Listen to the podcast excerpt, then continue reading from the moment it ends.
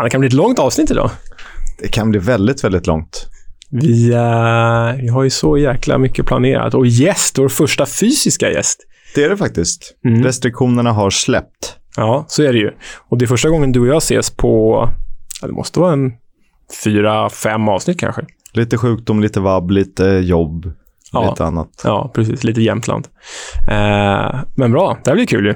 Det blir jätteroligt. Ska vi avslöja gästen? Äh, det gjorde vi nästan igår. Vi kan väl göra det ändå. Plymouth, Sheffield Wednesday, Blackpool. Och andra, eh, andra europeiska klubbar. Rangers, Vid- Videoton var han väl i en sväng. Röda Stjärnan, Brommapojkarna. AGF Århus. Ja, det är väl... Ja, och han var väl i Känna in, va? Ja, precis. Slutade där. Och sen AIK och BP. Bojan Djordjic. Wow.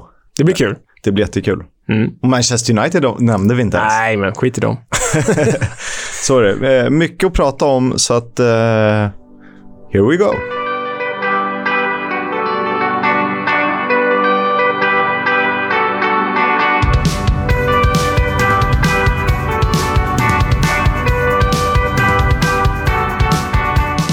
Som ni alla vet, landslagsuppehållet har nu varit. Det finns vissa kvar i Sydamerika att spela. Kanske inte som påverkar oss i alla fall, men eh, européerna är klara. Och eh, vi hade ju ett gäng på, eh, på matchformationerna, eller vad man nu ska säga. Vi... Ska jag börja? Ja, men kör. Ja, men jag tänker att vi tittar lite på Wales, där eh, i 2-2 matchen mot Tjeckien så gjorde Harry Wilson assist. Och Sorba Thomas, som vi absolut ska återkomma till lite senare, han gjorde debut för Wales. Det är en otrolig resa. Ja, verkligen. Och det kommer du berätta lite mer om sen, så det blir spännande. Jag ska också berätta mer om Estland-Wales 01 och det är av eh, anledning Estland så kollade jag och naturligtvis även anledning Sorba Thomas. Eh, Harry Wilson och Kiefer Moore gjorde stabila insatser. Eh, Kiefer Moore blev matchvinnare i en match där eh, Estland faktiskt inte var så dåliga som man eh, kan tänka sig. Den lyfter du gärna, va? Det lyfte jag. Mm. Har inte Estland en Arsenal-keeper numera? Jo, eh, Karl Jakob Hein, Mm. med lite estniskt uttal där också. Ja. Han är rätt duktig. Han kan, han kan bli bra. En ny Mart Bohm, såklart. Kul. Det är roligt. De har ju saknat lite stjärnor sen Ragnar Klavan skrev på för en estnisk klubb. Just det, det har han gjort, ja. Han borde ha avslutat i Cagliari. Men det är nu ett l- långt stick, stickspår. Det är det. Vi, kan, vi får köra en special med Ester i Championship. Det finns fyra stycken. Det har jag koll på. Eh, Sorba Thomas eh, gjorde inte bort sig, spelade vänsterback. Han är ju kanske inte trivs bäst som just vänsterback utan har lite andra positioner. Eh, Wales ska vara nöjda med tre poäng. Så mycket har vi att säga om Wales. Mm. Eh, Skottland och Israel. Eh, det är så speciellt med de här landslagsuppehållen, för normalt sett, om jag bara talar för mig själv, så kliver man ju in i dem med, och tittar bara på Sverige och skiter lite högaktningsfullt i alla andra resultat, egentligen. Men den här podden har ju fått en att titta på lite resultat och, och highlights och sådär och känna att fan, man, man vill att Championship-gubbarna ska gå bra. Och därför landar man ju lätt i Skottland då. Eh, slog ju gruppkonkurrenten Israel med 3-2. Lyndon Dykes, föga oväntat, gjorde mål, men han missade också en straff. Det gjorde han och eh, när de mötte Färöarna tidigare i veckan så gjorde han mål igen. Vilket betyder att han har gjort mål fyra landskamper i rad, eller fyra tävlingsmatcher för Skottland i rad. Eh, och det har ingen gjort sedan 60-talet. Jag vet inte exakt vem som gjorde det senast, men det är statistiken jag känner till. Det säger ju en del om Lyndon Dykes och hans form. Det säger ännu mer om Skottlands ganska risiga anfallshistorik. Men vi gillar ju att QPR-gubben går bra där i alla fall. Det gör vi. Jag trodde nästan att Scott Booth hade kunnat göra fyra, mål, eh, mål, fyra landskamper i rad. En gammal favorit från Aberdeen. Testade vingarna även i Borussia Dortmund. Just det, det var han ju faktiskt. Han var eh, en, fin eh, anfallare i M96-laget bland annat, som inte gick så bra för. Men vi är ju lite anglofiler, så det är klart vi håller ett extra öga på Skottland och Wales och Nordirland och England och Ja, och... UK-ofiler, vad det nu kan heta. UK-filer, ja så är det ju verkligen. Eh, då landar man ju rätt i liksom sorgebarnet Irland också, men den här gången vann de.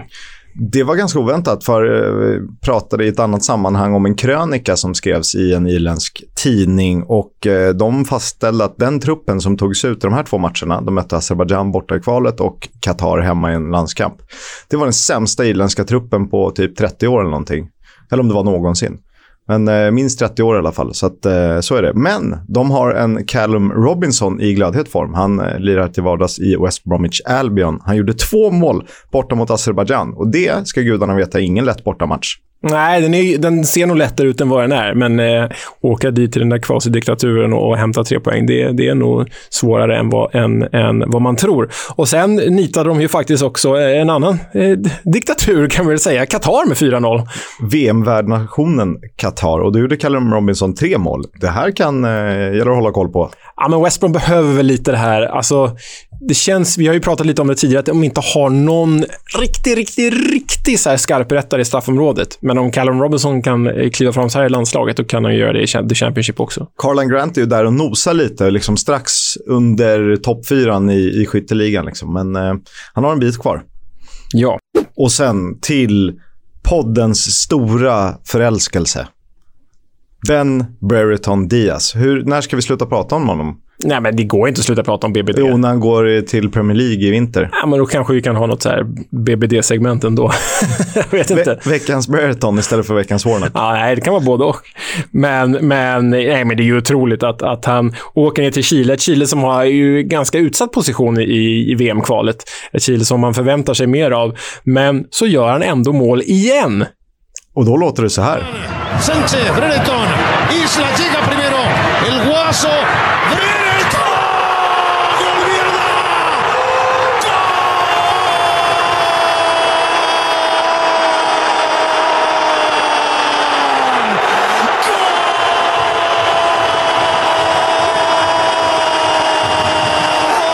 Månadens spelare i Championship i september, det har ni koll på. Och mål i landslaget igen. Ja, vad ska stoppa honom? Ja, det är ju en, det är en flytt uppåt. Ja, och det är väl inte helt otänkbart. För är det så att hans kontrakt går ut i sommar? Jag tror att det är sista juni 2022. Det är i alla fall nästa sommar. Ja, och eh, med den form och, som han är i och så bra som han spelar så kommer han ju säkert inte vilja förlänga med Blackburn och ägarna Venkis. Och då blir väl de tvungna, tyvärr, att sälja honom i januari. Där, där kan man nog fynda som Premier League-klubb i behov av någon eh, formstark anfallare. Ja, men det känns ju... Typiskt vore väl om någon så här bottenklubb, typ Norwich, jagar eh, liksom febrilt ett nytt kontrakt och så landar de Ben Bertrand Diaz med. Och så åker de ur ändå. Precis, men det känns som att han är faktiskt gjord för lite mer än så. Alla Canaries där ute får ursäkta. Så är det absolut. Vi går vidare till Sverige där vi har en Championship-målvakt. Det har ni koll på. Han heter Robin Olsen. Han svarade för två nollor under det här uppehållet och det tycker vi är väldigt roligt såklart. Ja, och sen framförallt så twittrade du ganska humoristiskt när han assisterade till, till uh, Isak-målet. Att han har lärt sig de utsparkarna i, i Sheffield. Det kanske han har. Får vi fråga honom om. Bevisa motsatsen så säger jag att jag har fel. Exakt.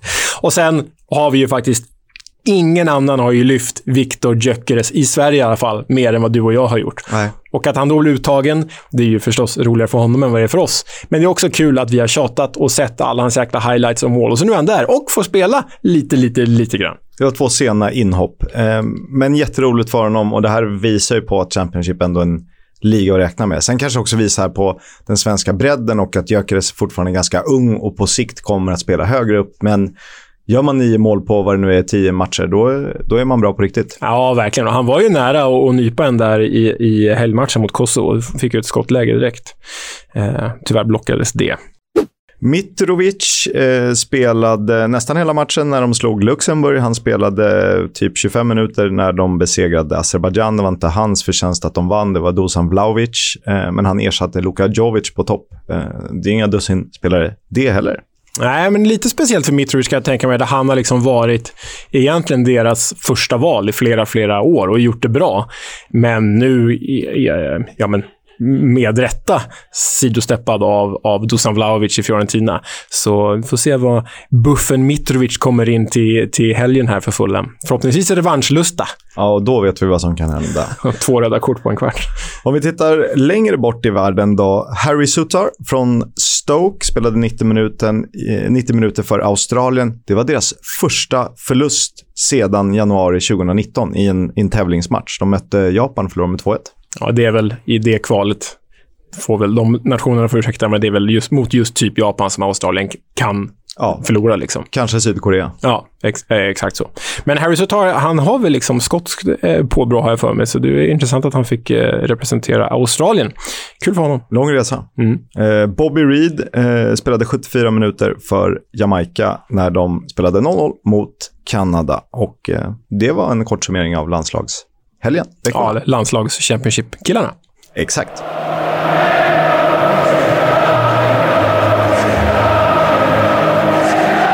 Fotbolls Coming Home sponsras av Stryktipset, ett spel från Svenska Spel, Sport och Casino. För dig över 18 år. Stödlinjen.se. Ja, vi kikar på kupongen och landar såklart i match 10. Millwall mot Luton. Och eh, om ni lyssnade på förra veckans avsnitt så kommer ni ihåg hur det var 1985 i en av engelsk fotbolls stökigaste matcher någonsin. Och det är klart att rivaliteten lever vidare, särskilt nu när läktarna öppnar upp på allvar. Även om jag tror att det blir rätt mycket lugnare på lördag. Dock en klassisk 15.00 lokal tid, avspark på The Den, derbykänsla, tryck i luften, 11 mot lag 13 i tabellen. Ett mittenmöte, lite som vi trodde på förhand, där Millwall är erkänt starka på hemmaplan. En riktigt svårtippad rysare som jag absolut kommer att hålla ett öga på på ett eller annat sätt. Leo, vad, vad ser du fram emot? Ja, nej men det är ju lätt att landa i, i eh, min subjektivitet här och det gör jag så gärna när det är West London Derby 13.30 på lördag. Det är Fulham mot Queens Park Rangers och eh, The Cottagers behöver ju vinna det här för att liksom komma tillbaka in i det riktiga, riktiga titelracet. Men för alla, eh, för de supportrar där ute, så vet ni ju att vi brukar ha förtvivlat svårt i typ alla West London Derbys, även om Brentford brukar vara den riktiga nöten att knäcka. Frågan är om inte det här måste vara ett av Englands snällaste derbyn, tänker jag. Jo, Eller Londons i alla fall. Jo, jo, men visst är det så. Det är väl lite, väl lite mer hets från QPR-håll än från Fulham-håll. Men det är också för att liksom... Båda ser ju varandra som lite lillebrorsor. Det är ju liksom Chelsea som är den stora antagonisten här. Eh, och, och Fulham är väl liksom mer mot Brentford också. Jag ska inte säga för mycket. Det, det, det, är, ju, det är ju ett derby det här också. Men ja, det kan vara ett av de absolut snällaste. Men förutom det så slår jag gärna även ett slag för 16.00 på lördag. Blackburn Rovers med BBD mot Victor Gyökeres i Coventry. Det kan bli en fin fight det med. Det kommer det alldeles säkerligen. Och vi kikar till nyheterna. Have you not been watching? I haven't. Jag eh, läste mig till att konkursförvaltarna i Derby har överklagat 12-poängsavdraget, men att tabellen kommer att vara oförändrad tills vidare. Och det här är, känns ju lite konstigt eftersom 12-poängsavdraget är väl eh, oundvikligt när man ingår eller när man är på väg in i en eh, konkurs eller förvaltning. Ja, men så som jag har förstått det så är ju det liksom det minsta garanterade man straffas med när man kliver in i en förvaltning. Och det har ju snackats om minus 24 för Derby, men jag tror att de här förvaltarna liksom, de måste göra det av plikt och sans gentemot klubben. Kanske köpa sig tid, kanske försöka utmana systemet. Ja, lite så. Så jag tror inte det kommer landa i något mer än det, än, än, än just en utmaning. Liksom. Sen har vi en väldigt tråkig nyhet. Mm, det är så att Preston North Ends hyllade och älskade ägare Trevor Hemmings gick bort nu i veckan. Över 80 år gammal, så, så kan man väl säga att han eh, dog av ålder inom citationstecken. Men eh, de är väldigt ledsna eh, i Preston, för eh, eh Hemmings klev ju in i klubben för ja, drygt 10 år sedan, 2010, och räddade klubben undan just konkurs. Eh, han är ju en liksom hästmagnat, eh, kan man väl kalla och vunn, ägt massa hästar som har vunnit eh, hästkapplöpningar i England genom åren och fått sina pengar därifrån. Men han ska i alla fall hyllas på Deepdale nu i helgen när Preston tar emot Derby County. Så eh, vi får nog anledning att följa upp det där, för det lär vara säkert eh, ganska fina hyllningar. Lustigt att det var, eller olustigt lustigt att det var just Derby. För att det känns som nyhetssegmentet där skulle vi kunna döpa om till Vad har hänt i Derby County den senaste veckan? Ja, det är faktiskt så. vi pratar poängavdrag, vi pratar att nu ska Preston North End möta Derby. Men vi pratar också om vem som vill köpa Derby. Ja, det här, det här blev ju, blir ju nästan en fars för de stackars Derby-fansen. För eh, det blev ju så i veckan, som eh, säkert få av våra lyssnare eh, har missat. Men Newcastle fick ju nya ägare när en eh, saudisk prins klev in och en eh, med rätta ifrågasatt saudisk prins klev in och köpte Newcastle från Mike Ashleys händer. Men Mike Ashley gillar ju pengar, det vet vi från tiden i Newcastle. Och eh, ett sätt att tjäna pengar, det är ju att ha en eh, Premier League-klubb. Hur får man en Premier League-klubb om man nu sålt sin egna? Jo, man vill köpa ett konkursbo i form av Derby och ta upp dem till Premier League igen för att låta dem stagnera där. Så Mike Ashley är sugen på Derby County helt enkelt. Och man vet inte riktigt vad man ska säga, om man ens ska säga något kring det här. För eh, vi vet ju skräckhistorierna och alla exempel från Newcastle och eh, man hoppas ju för guds skull att det inte upprepas i Derby som är i en rätt mycket mer utsatt position än vad Newcastle har varit i. Även om Noah Bachner inte håller med mig. nej, nej, men, nej, men så är det ju. Och, och Derby, så här, på kort sikt, för mål, en, liksom enda målet att, för Ashley att köpa en sån här klubb, det är ju att tjäna pengar. Och hur gör han det? Det är att ta upp dem i Premier League igen. Och för det där pengarna finns. Så på kort sikt, ja, Derbyfansen kanske får sin klubb i Premier League. De är inte så vana vid de senaste åren. Men alla som har liksom 1% insyn i hur det har gått i hur, hur Newcastle har behandlats under 15 år av Mike Ashley vet att det är helvetesår som väntar i Premier League då. Det är inte roligt att äga som Mike Ashley. Om han inte, precis som du säger, blir den här kortsiktiga hjälten som räddar klubben, säljer till någon annan som vill driva det på lång sikt och bara jagar affärer. För det kan ju vara så att både han och Darby tjänar på det. Så, så, så skulle det kunna vara om han släpper dem i rätt tid. Kliver upp i Premier League och sen som du är inne på, ja, det är väldigt spekulativt men, men äh, vi kan väl stanna där. Vi ska inte låta Derby-fansen bli mer ledsna än vad de är. Nej, eh, däremot ska vi prata om ägarskap i Championship. Ja, men det blev ju en... Jag vet inte. Jag har väl rantat lite mycket på sociala medier efter det här ägarbytet i, i, i Newcastle i, i veckan som var. Men eh, jag måste väl säga att eh, Nej, jag vet inte vad du känner Chris, men jag blev i alla fall ganska demoraliserad när jag såg att FA eh, godkände eh, det här ägarbytet i Newcastle. För dels känner man ju starka, faktiskt starka känslor för Newcastle. Det är en fin klubb, traditionsstark klubb, härliga fans. Men att de då släpper igenom en, vad det verkar, Ja, men det är ju en, det är ju en eh, absolut monark som tar över Newcastle och det är ju en slags diktator. Eh, och som dessutom eh, beordrar mord på, vad säger uttalas han Khashoggi, han journalisten som blev mördad? Ja, jag vågar inte mig på. Ja, Nej, men eh, som liksom utför styckmord på oppositionella och kritiker. Det gjorde i alla fall mig väldigt eh, demoraliserad kring, kring fotbollens själ. Och den är ju förstörd sedan länge, jag vet. Men det här var liksom ytterligare ett steg i det hemska som, som sker och händer och som fotbollsvärlden faktiskt tillåter Det var hända. liksom som att graven blev skändad. Ja, men ja, typ väldigt bra uttryck. Men det fick mig att sätta mig ner och gå igenom eh, ägarstrukturerna i The Championship. För det är ju liksom inte så att, för jag har diskuterat med många människor nu, både utanför sociala medier och på sociala medier, diskuterat. Och eh, vissa förstår inte problematiken alls med, med när det kommer in liksom blodspengar från Saudiarabien, eller Qatar, eller Azerbajdzjan, eller USA, eller Ryssland, eller vad det nu kan vara. Men vissa förstår det, men vissa landar också i att säga, ja, utländska ägare, det, det är hemskt. Men det är inte att de är utländska som är problemet. Det är var pengarna kommer ifrån som är problemet. Och bara för att ägarna är inhemska då, i det här fallet brittiska om vi säger, mm. det är ju ingen garanti för att cashen är rena. Om Nej. man ska hårdra det. Nej, exakt. Så det han... Så ursprunget för, för människorna, ägarna, är det oviktiga. Det viktiga är ursprunget från, för cashen. Liksom, exakt. För pengarna. Ska man ha ett system som inte bygger på 51 procent, regeln som det föredrar jag då, svensk som man är. Men ska man ha ett sånt system, då får man ju acceptera att ägarna kommer var som helst ifrån. Det spelar ingen roll. Men det är pengarna som är, som du säger, det är pengarna som är relevanta. Men då tittade jag, skannade av The Championship och då är det ju så av de här eh, eh, klubbarna som vi har där ute då, så är det ju engelska ägare, eller in, engelska, ja men vi kallar det engelska slash brittiska ägare, brittiska ägare säger vi. Åtta stycken av 24. Och utländska ägare är 16 stycken av 24. Man förstår ju den strukturen för att det finns så mycket pengar att hämta om man kliver upp i Premier League. Och det är därför folk köper West Brom, och kineser köper West Brom och Wolves och allt vad det nu är. Eh, men eh, lite intressant är också att det, det eh, överrepresenterat nästan USA, största liksom, utländska eh, ägaren. Det är eh, amerikanska ägare i Barnsley, Coventry, Fulham, Millwall, Swansea.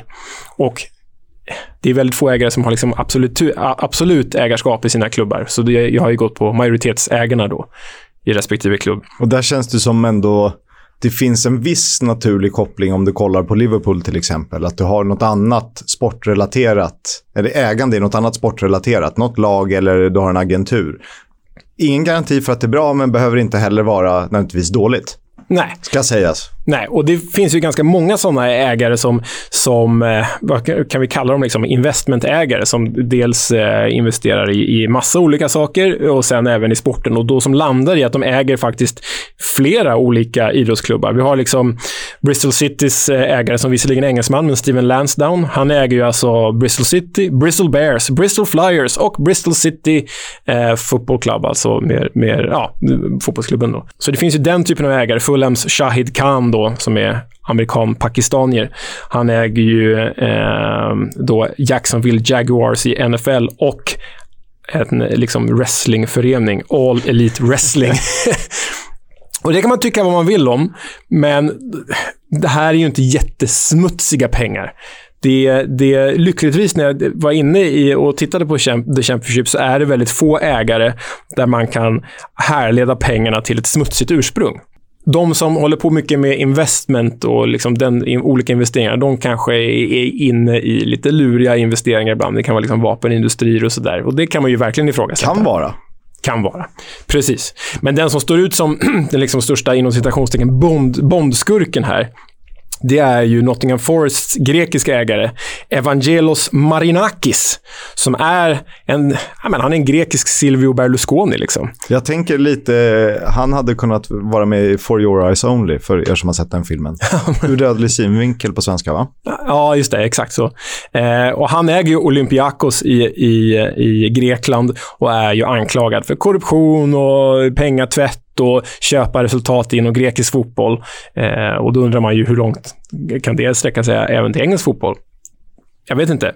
Men han känns som liksom den största bombskurken. Sen har ju Sheffield United då eh, en annan eh, saudisk eh, prins som ägare som heter Abdullah bin Musaed med reservation för uttalet. Och precis som med Newcastles nya ägare så kan man inte liksom knyta pengarna till den saudiska staten rent officiellt, fast alla vet att det egentligen är så. Och då kommer ju pengarna helt plötsligt från en förtryckarstat. Och där vill man väl inte landa egentligen. Om vi ska se det positiva då. Eh, det är ju upp och ner och vi, det är svårt att veta exakt var pengarna kommer ifrån. Och det är väl inte du och jag som är män att säga att ja, det här är förkastligt eller det är fantastiskt. För rätt vad det är, det kan vända en vecka. Oj, det visar sig att den här, de hade investerat i det här innan och därefter byggt upp en förmögenhet som de nu har satsat. Så att det kan vara smutsiga pengar någonstans på vägen. Men Luton är ju ändå Får man lyfta på hatten? det får man göra. Ja, men Luton är ju deras, eh, vad ska vi kalla det, deras supporters trust typ. Som, Exakt, som, som vi pratade om senast. Som tog ja. över efter eh, galningen som jag till och med nästan har glömt namnet på. Lika bra. Ja, men, och Luton ger ju hopp att man kan ha en klubb på den nivån inom ett sånt här system som inte bygger på 51%-regeln, som ändå är en stabil mittenklubb i The Championship. Det ger ju hopp om framtiden för andra klubbar med, med den strukturen också, typ Wimbledon eller som Pompey var förut och sådär. Ja, det är fint. Det, det, får vi ändå, det får vi ändå lyfta lite på. Och så jag vill bara lägga till en sak där. Bara för att man har rena pengar betyder inte att man är en särskilt bra ägare. Så det, vi hör ju att det här är ganska komplext och vi, vi målar in oss lite i ett hörn. Att det kan vara en rättrogen person men en värdelös klubbledare. Exakt. Till exempel, vi har väl eh, Hall är ett ypperligt exempel. Assam Allam som har liksom byggt hela sin förmögenhet på lokal varvsindustri i, i hamnstaden Hall. Men han är ju en fruktansvärd ägare för han vill liksom eh, styra klubben med järnhand, lyssnar inte på supportrarna, vill byta klubbnamn, vill byta emblem och så vidare och så vidare. Så bara för att pengarna är rena behöver ägaren inte vara schysst. Nej, nu ska vi inte prata för mycket Premier League, men jag tänker ibland på Tottenham, där som Daniel Levy känns ju ändå hyfsat human utanför fotbollen. Och det känns som han gör, tar ganska många kloka beslut utifrån ett helikopterperspektiv med fotbollsögon om du är objektiv. Eh, är du Tottenham-supporter kan du nog bli frustrerad. Jämfört då med vad Newcastle får in som kommer köpa dem förmodligen framgång på hyfsat kort sikt. Det finns ju ingen garanti för att de vinner någonting inom en närtid. Men om de spelare det pratas om kommer att ansluta till klubben så ser det ju rätt ljust ut. Ja. På fotbollsplanet. Men eh, vad är det värt? Exakt, och det är väl den frågan som alla måste ställa sig själva till slut. Var, var, går, var går gränsen mellan fotboll och moral egentligen? Ja, det här fick mig att tänka lite. Jag blev lite Bojan-förbannad, som han kan bli så härligt när han rantar i studion. Eh, när han bara får feeling. Och det är ju ofta så att det kritiseras, det lyfts upp i studiosammanhang. Och det här är inte någon känga till någon kanalhus. För att jag vet att de flesta gör det de kan, men de har ju också förpliktelser när det kommer till sändningar och liknande. Men det går ganska snabbt att glömma bort det när matchen väl är igång. Och återigen, inget kanalhus fel, utan det här är ju media överlag och hela, hela världens problematik, eller Europas åtminstone. Men så fort skönspelet och titlarna trillar in, då, då är det inget problem längre. Då ser man liksom mellan fingrarna för att det är fotbollen på plan som är, är segrare på något sätt. Och det är klart, Newcastle kommer att kritiseras, men det är minst lika många artiklar och inlägg från diverse konton och diverse medier som pratar om vilka de ska värva och hur kul det ska bli när Erling Haaland vinner skytteligan i, i svart och vitt. Och då har ju de redan lyckats med sin sportswashing, om det är så. Och det är där det kommer landa till slut. Titta på, titta på PSG. Jag tror att du sa, eller så skrev du här i, i vårt kör, körschema, att liksom 5% av artiklarna handlar om PSG sportswashing idag och resten handlar om Neymar och Messi. Då, Ja. har, de- då har de lyckats. De har Om vunnit. Någon är, någon är arg eller någon får inte speltid eller någon tycker att rollen är fel. Det är där det handlar om. Ja. Och det är väl lite så med VM 2022 också. Det är klart röster har höjts, det är fina kampanjen. Amnesty gör det jättebra tillsammans med svenska fans, vill jag slå ett slag för. Och förhoppningsvis kommer det fortsätta. Men kommer det räcka i längden? Och det är, så här, det är Norge som bojkottar. Ja, förlåt Norge. Jätte, hatten av till det. Men på fotbollsplanen är den ingen stor spelare. Det krävs ju att Spanien, Italien, England, Tyskland, Frankrike, Brasilien, Argentina. Då snackar vi. Är inte de med? Ja, men då är det inget VM. Nej, då är det något exakt. ihopkok. Och det blir ju... Typ Tyskland har ju stått i sina liksom, budskapströjor där och Nederländerna också. Det är också en stor spelare, även om de är lite sämre idag. Men det är ju inte att löpa hela linan ut om du faktiskt inte bojkottar mästerskapet till slut. Ja, om jag får dra en parallell till det som händer i svensk fotboll där man pratar mycket om villkorstrappan som jag tycker är djupt förkastlig. Hur man kan liksom ta koll på något av det finaste vi har. Vi har en supporterkultur det skrivs om i världen i Sverige. Om vi får prata allsvenskan och superettan för en stund. Det är ingen som pratar om spelet. Kanske om några enstaka spelare som gör bra insatser. Men det är liksom stämningen runt specifikt derbyn eller stormatcher som är den säljande kraften. Där går spelarna ut i tröjor och så står det rädda svensk fotboll och så händer inte så mycket mer. Någon skickar ut ett inlägg. Nu äntligen börjar det ta lite fart och jag tror att det viktiga är att man får med sig spelarna. För utan spelare är ingen fotboll. Om de stora stjärnorna i Sverige kliver ut och säger skrota villkorstrappan, vi kommer inte spela om det här fortsätter, om liksom polisen får bestämma på, på arenorna. Lite så måste man göra här någonstans och det är klart att det finns nya spelare som tar över. Men utan Messi, Mbappé och sådär, om de kan liksom trycka på, då kan vi börja se en skillnad. Men det är en utopi det. Ja, nej, det är ju väldigt få. Det var väl var det VM 76 som spelades i Argentina när det var en diktatur. Då var väl Johan Cruyff och var det Bertie Vogts? De två bojkottade, tror jag. Holland och Tyskland. Och det är ju stora pjäser på den tiden. Men det sägs ju kanske haft andra anledningar än just det politiska också. Men utåt sett var det politiska. Men det är ju det som krävs. Lite som när det sades att eh, var Canidia och Redondo vägrade klippa sig inför VM 98 och inte fick åka med. Det kan ha funnits andra anledningar. Ja, det, ja, Den gode Canidia. otroligt. Kul att det ändå att vi tillät oss själva att sväva ut lite här kring, kring en större fråga. Och här är det så här jättebra. Har ni några idéer? Inte för att de kommer ge något genomslag för världen, men vad tycker ni? Vad tänker ni? Vi finns på EFL-podden på Twitter. Det är där vi håller till i nuläget. Så skriv och hojta och ja, dela. Gör så. Jag gav er Luton Town sist. Det var lite intressanta grejer med Formel 1-banor och liknande. Jag tror inte vi har samma problem i Blackburn, fast vi har ett annat problem. Oavsett vad. Leo, ge oss Blackburn Rovers FC.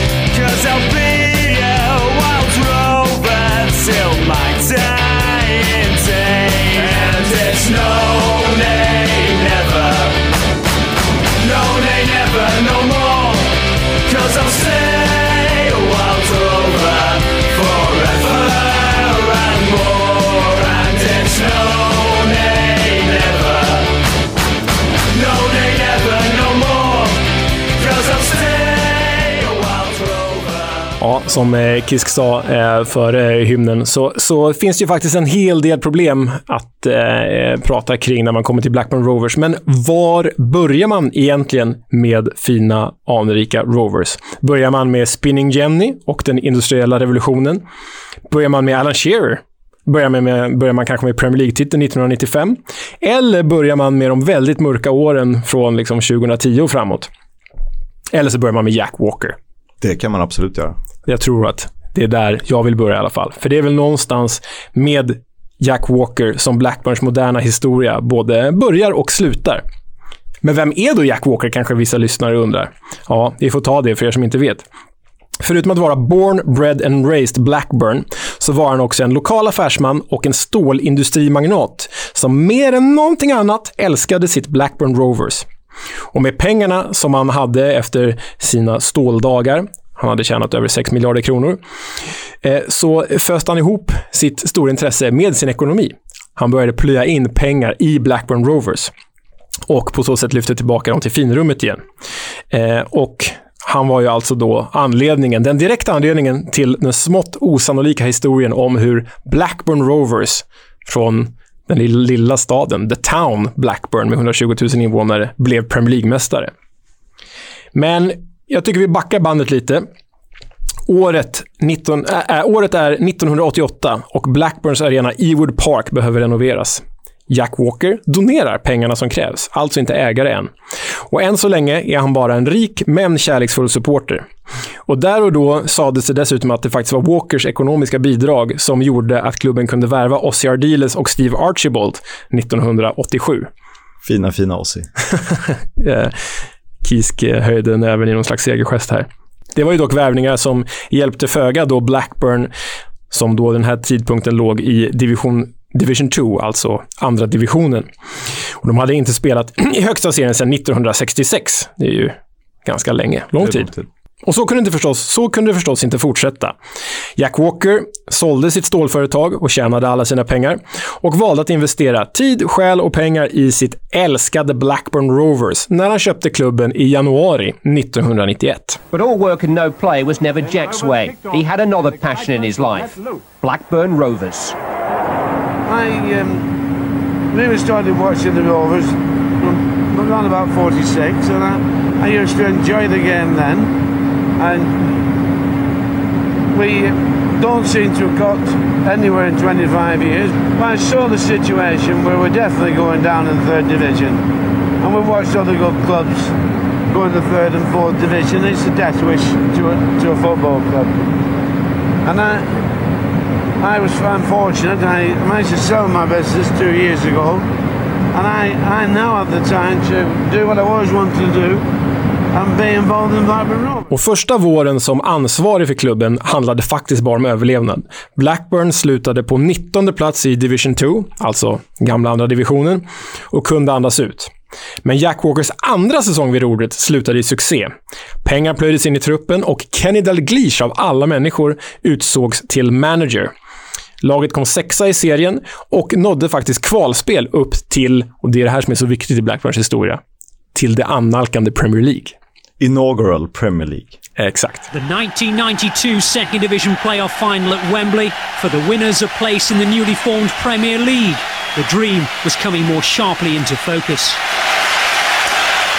The two clearest shooting chances coming within a minute of each other. Newell for Blackburn and then Mills for Leicester. And here's Newell setting up Speedy for another. Sellers is in the middle. Speedy's got past Walsh. Has he penalty? George Courtney had no hesitation. David Speedy in the last minute of the first half has run a penalty for Blackburn Rovers. It'll be Mike Newell who scored a really vital penalty at Tranmere to lift Blackburn's season last month. Mike Newell against Carl Muddleton. They're on the way! Applause from the manager. Delight for the players. Mike Newell.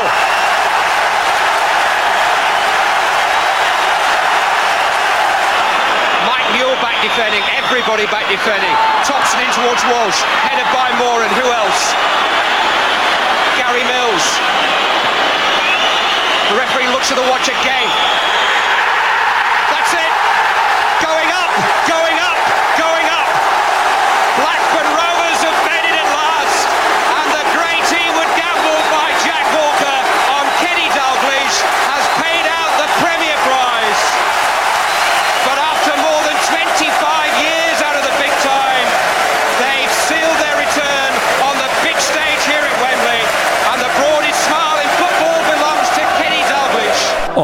Och återkomsten till högsta serien hade faktiskt inte kunnat planeras bättre. Premier League drog igång säsongen 92-93 och Blackburn var med på tåget. Pengar, väldigt stora för den tiden ska sägas, pumpades in i projektet och spelare som Stuart Ripley, Graham Lesaw, Tim Sherwood, Henning Berg, Patrik Bjerred Andersson och Alan Shearer värvades. Vissa av de här var bra, andra var redan bäst. Jag tänker på typ Shearer. Men alla var unga och utvecklingsbara. Man värvade ungt, man satsade ungt, för det var det Dalglish ville. Och det här var ju affärer som gjorde Jack Walker till en älskad man i Blackburn, men en hatad man i England. Han ansågs eh, köpa Blackburn en plats i eliten och det gjorde han ju egentligen. Det är mer vedertaget idag än vad det var då. Precis så. Eh, han värvade spelare den första sommaren för 9 miljoner eh, euro. Vad blir det? Alltså drygt Ja, men runt 100 miljoner ungefär. 100 miljoner kronor. Jättemycket på den tiden. Att jämföra med Manchester United som värvade för 3,5 miljoner euro. Jag vet inte varför jag tagit det här i euro istället för pund, men så är det. Eh, men då ska man också tänka på att Manchester United var ju en stor etablerad klubb. De behövde ju inte värva någon mer än Eric Cantona som de plockade den säsongen. Blackburn hade ju som målsättning att vara ett topplag. Bli bäst. Ja, och då får man värva, får man lägga pengar därefter. Annan jämförelse, Arsenal och Liverpool värvade för ungefär 4 miljoner euro den sommaren. Så det här liksom narrativet att Blackburn köpte sig en plats i eliten. Ja, de gjorde ju det. Men kanske inte så långt att de köpte sig till titeln som vi kommer till. För det fanns ju så stort motstånd och så mycket pengar redan i sporten, redan då. Men Alan Shearer under Kenneth Dalglish ledning var ju helt fenomenal och Blackburn slutade på fjärde plats i den nystartade Premier League. Året därpå gick det faktiskt ännu bättre. De kom tvåa, åtta poäng efter Man United. Klubben slog rekord i eh, världens dyraste målvakt, Tim Flowers, och pungade ut stort för David Batty från Leeds. De köpte till andra säsongen spelare för eh, ja, ungefär 120 miljoner kronor, vilket var sanslöst mycket pengar. Rekord igen. Eh, att jämföra med Manchester United som sommaren därefter då alltså köpte Roy Keane för 8,5 miljoner euro. Så, det är väldigt mycket, men inte att de, det är inte bara köpa, även om det var mycket köpa. Ja, eh, precis så. Men Jack Walker hade ju då alltså siktet inställt på att vinna Premier League. Och eh, med en långtidsskadad Kevin Gallagher, som var då Shearers anfallskompis, så kände sig Walker nödgad att lägga vantarna på Chris Sutton. Vi kanske minns Chris Sutton som en liksom ganska trög anfallskompis till Henrik Larsson i Celtic. Men faktum är att här var han en 21-årig supertalang i Norwich som hade dundrat in mål för The Canaries. Och det var faktiskt så som den legendariska firman SAS bildades. Shearer and Sutton. Sutton and Shearer. Man gillar ju de där förkortningarna. Det finns en till SAS. Vad är det då? Suarez and Sturridge. Ja, ja, ja. Ja, men den är inte lika... Den är lite ohärligare. Stämmer. Ja, den här lilla klubben Blackburn från den lilla staden med samma namn hade ju då alltså värvat spelare som tidigare inte ens hade skänkt klubben en tanke. Så visst, på så sätt köper man ju sig in i eliten. Men då efter att ha kommit eh, fyra första säsongen och sen andra andra säsongen, så till tredje säsongen värvar man faktiskt för mindre än vad Manchester United gör. Manchester United kände sig väl hotat av det här nyrika, nyrika Blackburn Rovers. Men firma SAS blev fullkomligt ostoppbart och eh, av Blackburn Rovers 80 mål den tredje säsongen så gör Shearer och Sutton 49 tillsammans. Nej, det är sanslöst. Sherwood. Looking for Sutton, who's found Shearer. And Shearer finishes off this. Forced wide. Puts it across. Sutton's there. He does swing it into the far post. Goalkeeper flat to it, and that one goes in, and I think Henning Berge, the left to defend. He draws the goalkeeper and gives Alan Shearer a goal. Result. Ripley's cross. Sutton's there, and that's punishment. In the middle. Control, and Sutton's goal. Ja, som ni hörde här på klippet så var det ju bara Shearer, Sutton, Shearer, Sutton, Sutton, Shearer. Och det där var ju liksom bara fem, sex av deras första mål kronologiskt den säsongen. Den här tredje säsongen, 94-95. Så det handlade ju väldigt mycket om SAS. Som vi kommer komma till så var ju SAS ett anfallspar som ledde Rovers till Premier League-titeln. Men det var inte så självklart som det låter. Visst, de gjorde 80 mål, laget. Visst, SAS gjorde 49 mål tillsammans. Men allt det här avgjordes ju 94-95 i sista omgången. Tänk dig, eh, eller tänk er, ni som lyssnar, Manchester City, Manchester United där, 2012. När United va? började fira lite för att det stod 2-2 i City QPR. Exakt. QPR med en man mindre dessutom, va? Ja, ja, Jobbie Barton utvisad. Och Agüero avgör där. Men det här är lite samma situation då. Sista matchen på säsongen 94-95 så måste Blackburn åka till Liverpool och gärna vinna för att hålla undan för Manchester United som åker till West Ham. Men eh, det som händer är att eh, Blackburn förlorar mot Liverpool. Kenny Dalglish gamla Liverpool. Ganska jobbigt. Men Manchester United lyckas inte slå West Ham. Sir Alex skyller på domaren, Ja, än, i, än idag. Men de lyckas inte slå West Ham, vilket innebär att Blackburn Rovers blir, om än köpt, ändå osannolik liten mästare i Premier League.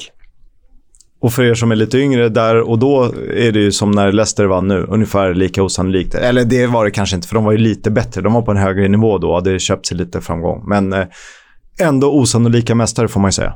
Verkligen. Och det lät ju så här. Oh my God! It's in, and it's a fantastic goal for Liverpool.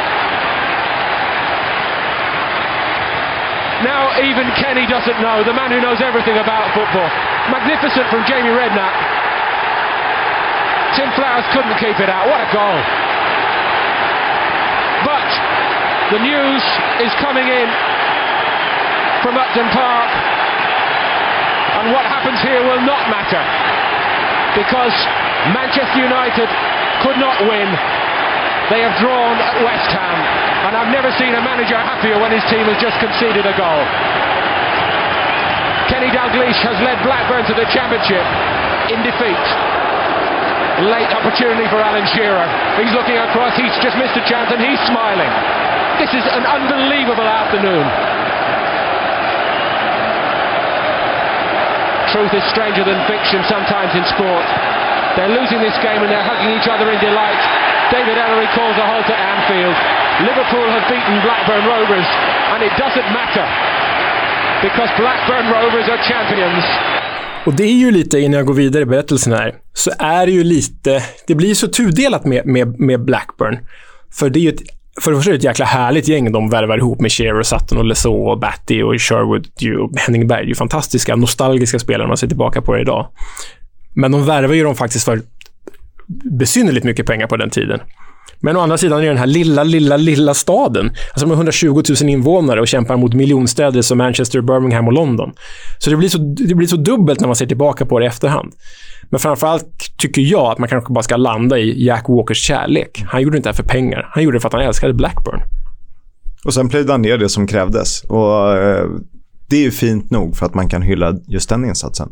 Ja, jag, jag vill nog välja att se det så i alla fall. Men trots att det omöjliga precis hade hänt då, så var det ändå en ganska samlad Alan Shearer som blir helt neddränkt i omklädningsrummet av bärs. Och då lät han så här. Alan, many, many congratulations. How difficult an afternoon was that?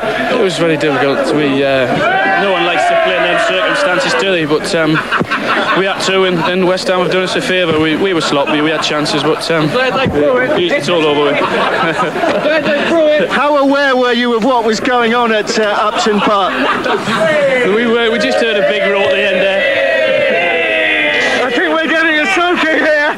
I'm not sure who's getting wet the most, whether it's you or me. Men trots Shearer, trots Sutton, trots Sherwood, Batty och alla de andra, så var det här ju ändå Jack Walkers titel. Och han är så... Jag vet inte, jag tycker han är lite mysig när han sammanfattar miraklet, som man säger. Well, when Liverpool scored the second goal, my heart stopped. I, cou- I, couldn't just believe what was happening. And, um, and then the reporters behind us quickly told us what, what had happened at West Ham, and it's a miracle. It's a dream come true, really, for you, isn't it? It really is. And I, th- I thought the, um, the Liverpool supporters were absolutely terrific with their support too, you know? The atmosphere and everything, fantastic. Ja, guldet satte då Blackburn som klubb och stad på kartan igen. Eller by. Eller by. Och det är lite det som är roligt här. För när jag har läst i, i historien kring det hela så fastnar väldigt många i att Blackburn är liksom den enda, the only town to win the Premier League. Och vad är skillnaden på en town och en city? Eh, Jag tänkte säga typ tätort och stad i Sverige var gränsen går, men det är väl ett visst antal invånare tänker jag. Det, det stämmer, men det verkar diff, diffa i olika delar av världen. I, i eh, England så ska en city gärna ha liksom över 200 000 invånare. Och så handlar det tydligen väldigt mycket om infrastrukturen, vad som finns rent i staden. Motorvägar och eh, ja, kollektivtrafik förmodligen. Exakt. Och i till exempel Japan så blir det en stad bara med över 30 000 invånare har jag läst mig till. Och i Sverige är det ju på en ännu mindre skala. Men Blackburn är alltså en town och fortfarande än idag den enda townen som har vunnit Premier League. Eh, det är, säger ju ändå någonting, tycker jag. Men den här lilla staden då, de hade ju överpresterat under den industriella revolutionen och blivit hjärtat i liksom Englands industriella revolution. De levde nu återigen upp efter tynande fotbolls och industriella år. De hade ju haft väldigt tungt där. De hade inte spelat i högsta ligan på sen, sen 60-talet som vi nämnde förut. Men det blev ju sen heller aldrig bättre än guldet. Canada Dalglish orkade inte vara manager längre. Han gick upp i någon slags sportchefsadministrativ roll. Och hans efterträdare, oavsett vad de hette, Roy Hodgson till trots, lyckades inte med uppgiften. Och alltså, året efter att de blev mästare kommer de sjua i, eh, sjua i eh, ligan. Och det är de här åren de också åker ut mot Trelleborg i Uefa-cupen. Klassiskt möte. Ja, och redan 1999, alltså fyra år efter eh, den historiska titeln, så ramlar de ur Premier League. Och eh, tyvärr så gick ju Jack Walker tragiskt nog bort medan Rovers var i andra divisionen år 2000. Men han hade sin titel. Han hade sin titel. Och väl tillbaka i Premier League så eh, upptäckte i alla fall jag Blackburn Rovers på riktigt. Efter två år i Division 1, alltså gamla The Championship, så gick de upp tillsammans med mitt kära Fulham och med Bolton Wanderers. Jävla trio som eh, äntrar Premier League där, Kisk. Klassiker-trio. Ja, alla tre höll sig kvar också, ska det sägas. Men jag kände att eh, Blackburn, de hade ju fan bäst emblem, snyggast tröjor och en rad spelare att älska. Lyssna på det här gänget som alltså går upp i Premier League. Brad Friedel, Tugay Kerimoglu, David Dunn, Damien Duff, Keith, Keith Gillespie och Lucas Neal. Då hade inte Mårten Gamst kommit än va? Han har inte kommit än. Men bara det här Ja, det är ju... Det är gör att det vattnar i munnen. Och i återkomstsäsongen så klarar de sig med god marginal. Jag tror att de kom tia. Och så vinner de faktiskt eh, ligacupen eh, genom att slå ditt kära Spurs. Det är alltid ditt Spurs när jag hamnar på eh, cupfinaler här. Slår Spurs med 2-1. Målen gjordes av Matt Jansen och Andy Cole. Men vilken svensk spelade finalen, Kisk? Vilket år är det? Ja, det här är ju då, eh, vad är det, 2001-2002 va? Då hade inte Erik Edman kommit till Tottenham. Han kom väl efter EM 2004. Eh, när jag tänkte på Blackburn, man tänker på bröderna Olsson, men de var inte där då, för de kommer ju liksom 7-8 år senare. Först tänkte jag ju Martin Dahlin, men han är ju, han är det ju inte, för att det var ju innan. Svensk spelade finalen. Spelar hela finalen. Vinner kuppen gör han också. Ja, då vet vi att han inte spelar i Tottenham. Eh, Ja, den här knäcker du mig på. Nils-Erik Johansson. Ja, förstås. Cupmästare med Blackburn Rovers. Och så här lät det ju när de eh, vann cupfinalen. Bird. Angled towards Jansen. King wanted three touches. Could let in Cole! Andy Cole has done it for Blackburn! Blackburn taking their time. It is 74 years since their last major cup win. In May 1928. They are seconds away. Here's David Dunn. Yordi wants the cross. Dunn happy just to keep the ball. We've had the three minutes. Referee looks at his watch for a second time. Blackburn on the break. There is a new name on the Worthington Cup, or is there? No, people are on the pitch. And as someone once said, they think it's all over, but it isn't. The referee has blown for a free kick, but now he's decided that he might as well say that's the final whistle. An extraordinary end to a wonderful cup final, and Blackburn Rovers have won the League Cup for the first time in their history. Och förlåt Kisk om, om eh, jag liksom trycker ner det här med en ytterligare en Jag är. Tottenham-förlust. Du är van. Men jag var helt såld på Blackburn efter detta. Och jag vet att vissa lyssnare kommer oja sig och tycker det är konstigt att man kan sympatisera med fler lag. Men det gör jag. Blackburn är mitt andra gäng i England. Det är klart att jag håller på Fulham om de möter Blackburn, men eh, jag vurmar för Blackburn. Till och med lite mer än jag vurmar för Hull. Jag var såld och jag kom att älska det här jäkla Blackburn Rovers-gänget som tränades mycket av Mark Hughes bland annat. De hade ju en armada av profiler som till exempel, som du nämnde, Morten Gams Pedersen, Ryan Nelson, Christopher Samba, Brett Emerton, Benny McCarthy och Jakubo Ayigbeni. Eh, Christopher Samba har jag sett. Min andra match på plats i England, Tottenham, Blackburn, White Hart Lane. 1-2 slutar den, ytterligare en Tottenham-förlust. Vi kan eh, poängtera. Du gjorde Christopher Samba 1. Jag vill minnas till och med att det var två mål. Något var ganska snyggt dessutom. Helt sjukt. Jävla bjässe. Innan jag gick till Ryssland. Ja. Men 00-talet, som ni hör, blev ju ganska framgångsrikt. Förutom kuppen där så spelade de nio säsonger i Premier League, slutade på övre halvan vid sex tillfällen och kom sexa två gånger. Men allt dåligt eh, kommer ju efter något bra, brukar man säga. Nej, det säger man kanske inte. Det är tvärtom. Men i det här fallet var det så. Allt dåligt kommer efter något All bra. good things comes to an end. Exakt så. Eh, nedgången skulle komma.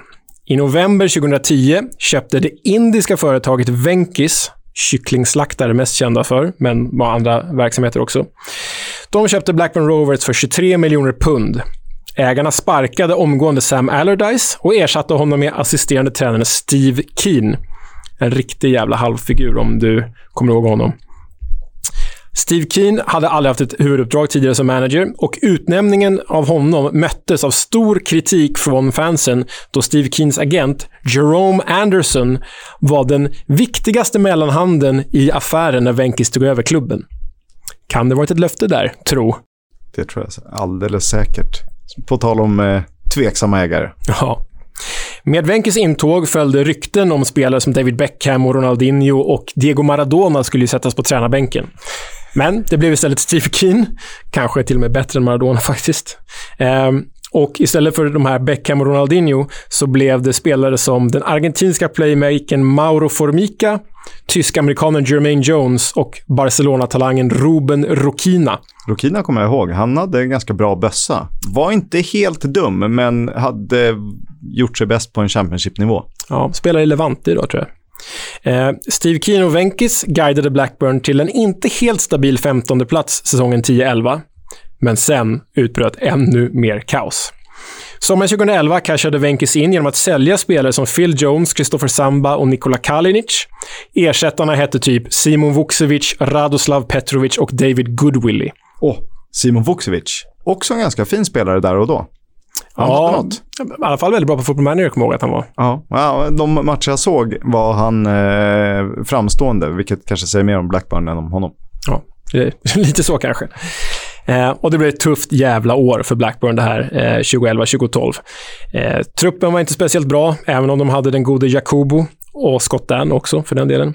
Men ekonomin var ännu sämre. Efter ett år med Venkis så hade Blackburn gjort en förlust på nästan 200 miljoner kronor.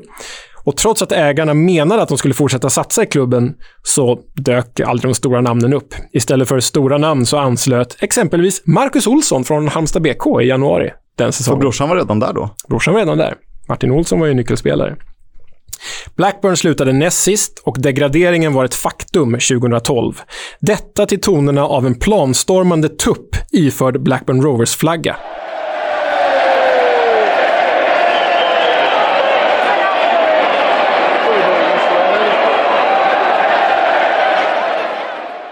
Och den här tuppen, jag vet inte om du kommer ihåg den, Kisk, men den sprang ju in flera gånger därefter. Det är alltså en tupp som fansen klär i Blackburn Rovers flagga och slänger in på arenan för, som kritik mot ägarna. Liksom.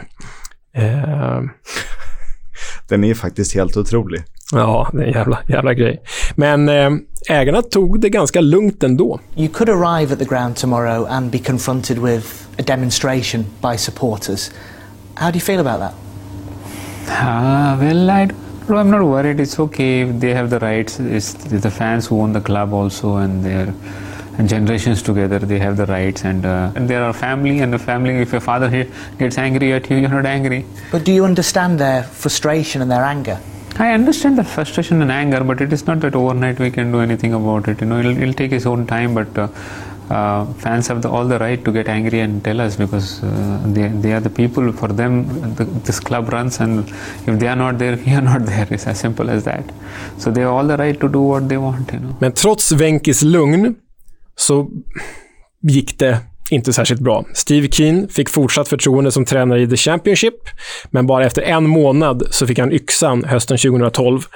Och eh, fansen jublade som aldrig förr. De hade ju protesterat mot honom sedan dag ett egentligen. Och relationen mellan fansen och Venkis blev ja, allt sämre. Det här är placeringarna i The Championship för Blackburn de första åren. 17 plats, 8 plats, 9 plats, 15 och 22 plats. Så säsongen 2016-2017 degraderas de till League One för första gången i tredje divisionen sedan 1975. So Bristol City, for Blackburn to stay up, need to score here. Eyes there on the referee. That's it. Birmingham survive. Blackburn Rovers are down. It's confirmed. It's relegation for Blackburn Rovers. The fall from grace. Ja, det är ju inte särskilt ljusa toner, men eh, så går det när man inte sköter korten rätt. Ja, nej. Om man ska vara hård. Ja, det är, ju, det är ju deppigt det Blackburn har blivit, för även om de studsade upp omgående från tredje divisionen så är ju läget oförändrat. Idag äger Wenkes klubben, men de vill fortfarande inte satsa, utan måste istället sälja spelare som Adam, Arst Adam Armstrong, David Raya, Grant Handley eller Shane Duffy för att ens ha pengar att återinvestera i truppen. Och det är en, ja, en deppig verklighet för de forna Premier League-mästarna. Som dock har en liten ljusglimt så länge han blir kvar. Ben Brereton Diaz. Ben Brereton Diaz. Och eh, jag tänkte egentligen quizza dig på svenskarna som varit där, men du har typ nästan nämnt alla. Ja, förutom Bjärred och Nisse Johansson då, så bröderna Olsson och Martin Dahlin. Ja, och så är det då Niklas Gudmundsson och Anders Andersson. Bra Och gäng Marcus Antonsson. Åtta svenskar. Roligt gäng ändå. Undrar om det är den klubb med flest svenskar i England. Kan det vara det? Det här får vi kolla upp. Får vi kolla upp. Skicka gärna in till EFL-podden på Twitter, at EFL-podden. Har ni en engelsk klubb med fler svenska, svenska spelare genom åren än Blackburn, alltså åtta stycken, då får ni gärna skriva till oss. Tack Leo. Vi lovade att vi skulle ha en gäst. Det ska vi också. Han är här i egen hög person. Han har representerat tre Championship eller eh, andra divisionsklubbar. Nej, räkna inte Blackpool. Sluta nu. Han säger sluta nu. Plymouth. Ni känner igen, eh, ni känner igen rösten. Han har representerat två Championship-klubbar, vill jag poängtera. vi, kommer, vi kommer komma in på Blackpool också, tror jag. Eh, det kommer vi göra. Välkommen hit Bojan. Tack så mycket. Kul att vara här faktiskt. Kul att du är med. Eh, folk kan din bana. Det är Brommapojkarna, det är Manchester Mm. United, det är lite annat. Det är SM-guld i AIK, det är Videoton, det är Indien. Eh, Hur kan du glömma Röda Stjärnan av alla? Århus, fan. Glöm inte Det är Århus. då, AGF också. Ja. Var det ligatitel där också? Eller? Nej, vi, vi, var, vi var ganska bra den säsongen faktiskt. Vi hade ett bra lag med Morten Duncan Rasmussen som blev landslagsman och Leon Andreasson som spelade... Leon Andreasson, han var för 690 Ja, exakt. Ja. Så att, Och Fulham. Ja, det var han. Nej, men jag hade ett väldigt bra lag. Så det är kul att se att svenskarna har fortsatt vara väldigt eh, intressanta för AGF Århus. Erik Karl är där nu ju. just det. Just och det. många, det, det var ju efteråt, var ju också Backman var ju där under den tiden, även Niklas Karlsson. Alltså det var ju många Ja, ja, som ja. tog ju steget efter jag öppnade vägen. Du. Vad, vad ska vi börja den här eh, lilla frågestunden? Nej, men jag tycker vi börjar brett och så smalnar vi av det. Eh, fan, alla vet ju säkert, men vi måste ändå börja. Engelsk fotboll för dig, Bojan. Vad, vad är det? Jag älskar engelsk fotboll. Och du vet, folk har alltid sagt du och Valla. För du var alltid den där tekniska liran som ska alltid passa mycket bättre i Spanien och Italien. Var lite mer bekväm och lite mer tid med bollen. Men istället så gav du den England. Som inte alls liknade min spelstil. Och det var ännu mer hårt på slutet på 90-talet, början på 2000-talet. Men jag älskade passionen. Supportrarna. Du, vet, du kunde gå ner till conference och läktarna var fyllda. Och det enda de brydde sig om, om sin lilla klubb. Du vet, jag bodde i Manchester, jag kunde gå och kolla på Altrincham. Det var fullt på läktarna. Folk pratade om Altrincham inne i den lilla förorten till Manchester. Och sen hade de Manchester United. Och det var inte som i Sverige att vissa, tyvärr, har ju först ett engelskt lag, sen ett svenskt. Där är det verkligen, det lokala går ju före allt annat. Ja. Och sen kommer de här stora bjässarna. Det var lite som vad det var på Balkan. Du kan inte hålla på, på Real Madrid och sen Röda Stjärnan eller Partizan Belgrad. Det är Röda Stjärnan före allt annat. Och sen kan du ha dina klubbar som är på plats två eller tre. Vad är the Championship för dig då? Allt nu. Det är bara för att man har spelat där. Men det, var, det, var, det var en sån intensitet på min tid så det är väldigt kul att se att ligan har utvecklats. Lagen, spelarna har blivit bättre. Eh, en mer teknisk fotboll. Eh, såklart att det finns fortfarande lag som Barnsley som eh, gillar att gå down the channel. Men förut var det ju 23 och 24 lag som gick down the channel. Nu har du 3-4. Och resten försöker verkligen spela. Även folk som har problem som Derby County till exempel med allt möjligt. Även om de är, ja, de är inte på minus längre. Men det är fortfarande att man väljer spelare så att man ska spela sig ur situationer. Att man faktiskt vinner matcher för att man helt enkelt har en bättre taktik. Och det var inte fallet. Inte för mig. Alltså Championship var tufft. Det bara small. Du hade inte tid med bollen. Det var nästan 1-2 touch. Det var inlägg eller ner mot hörnflaggan. Inlägg eller mot hörnflaggan. eller så fick du en smäll och sen kunde domaren säga “You deserve that”. Så fort du höll i bollen så kunde du få den. Bara, "Du- förtjänar den där tacklingen. Så att bara, man håller i bollen. Så att nej, det är en häftig liga. Jag följer den väldigt noga. Skulle man kunna dra det så långt att inte ens i Championship finns den riktiga engelska fotbollen längre för att ligan är så pass rik jämfört runt om i Europa att du måste ner i League League 2. One. Ja. Även League, League One-klubbar. Alltså ibland ser, ser man matcher. Nej, de försöker spela. De försöker utveckla någonting, även om de inte kanske spelar materialet. Och det är en, det är en fara med England. Att de ser, ja men vi måste utveckla. Men de utgår aldrig från spelarmaterialet, vilken typ av fotboll de vill spela. Därför gillar inte fotbollen Barnsley spelar, men just att han har insett jag har jag plockar spelare utav deras spelarmaterial för att spela på mitt sätt för att maximera. De var ju nära förra året. I år är de skit. Men just det här att jag kan ha respekt för tränare som faktiskt håller sig fast vid sin idé men väljer spelarna utifrån spelsättet och inte faktiskt bänkar de bästa spelarna för att de inte orkar spela den typen av Tony Pulis fotboll. Hur bedömer du nivån på The Championship idag? Om du skulle placera in liksom allsvenska toppklubbar i The Championship, var hamnar de, De, då? hade, de har haft ett problem. Helt ärligt så tror jag de har haft problem. Kolla bara på lönerna i toppen på Championship. Kolla storleken på klubbarna. Kolla intresset, inte bara i England, ute i Europa. Det är stora kända klubbar. Okej, vissa är på dekis. Men de andra, vi kan inte mäta oss med den budgeten. Och plus att spela 46 matcher. 46 matcher. Bara i ligan. Plus de här Trophy, Trophy Cup, det var helt jävla meningslös cup. Det, det hette det på min tid med något med LV, jag vet inte, LV Trophy eller någonting. Och sen hade du ju ligacupen och FA-cupen på det. Det finns väl St. Johnstones Trophy? Eller nej, inte St. Johnstone. Johns... Du har försökt lära dig med det här cupnamnet typ tre, men tre det avsnitt. Jo, men det hette på min tid, det började med L i alla fall. Papa LV. John's Trophy. Papa John's Trophy, så heter den nu. Men den har ändrats. Det är som ligacupen. Den började när jag var där var det en Worthington Cup. Ja. Du vet, och jag är fortfarande ibland sitter i studion. Jag bara, "Ah, men du vet, Worthington Cup. Jag bara, men de bara, vad fan är Worthington Cup? Förlåt. den hette ju så på min tid, ligacupen. Jag menar Carling Cup. Nej, just det, det var fel också. Worthington Cup. Men det är ju lätt att liksom romantisera och ha så här väldigt nostalgiskt skimmer över eh, liksom Brunka-fotbollen som Championship var. Vad känner du kring Har du det skimret också när du, när du eh, tittar på The Championship? Eller? Nej, när jag får frågorna i studion eftersom jag nu inte verkligen följer den så försöker jag ändra folks uppfattning genom att kolla på klubbarna som blir uppflyttade från Championship och den typen av fotbollen de spelar.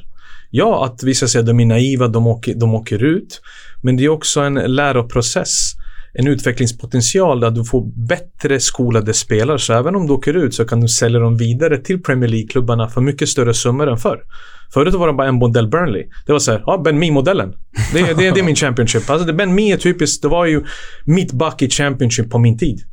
Hårt, resolut, bröt dina ben ifall det behövdes, nickade bort allting, nickade bort ubåtar ur hav. Alltså på, på den nivån.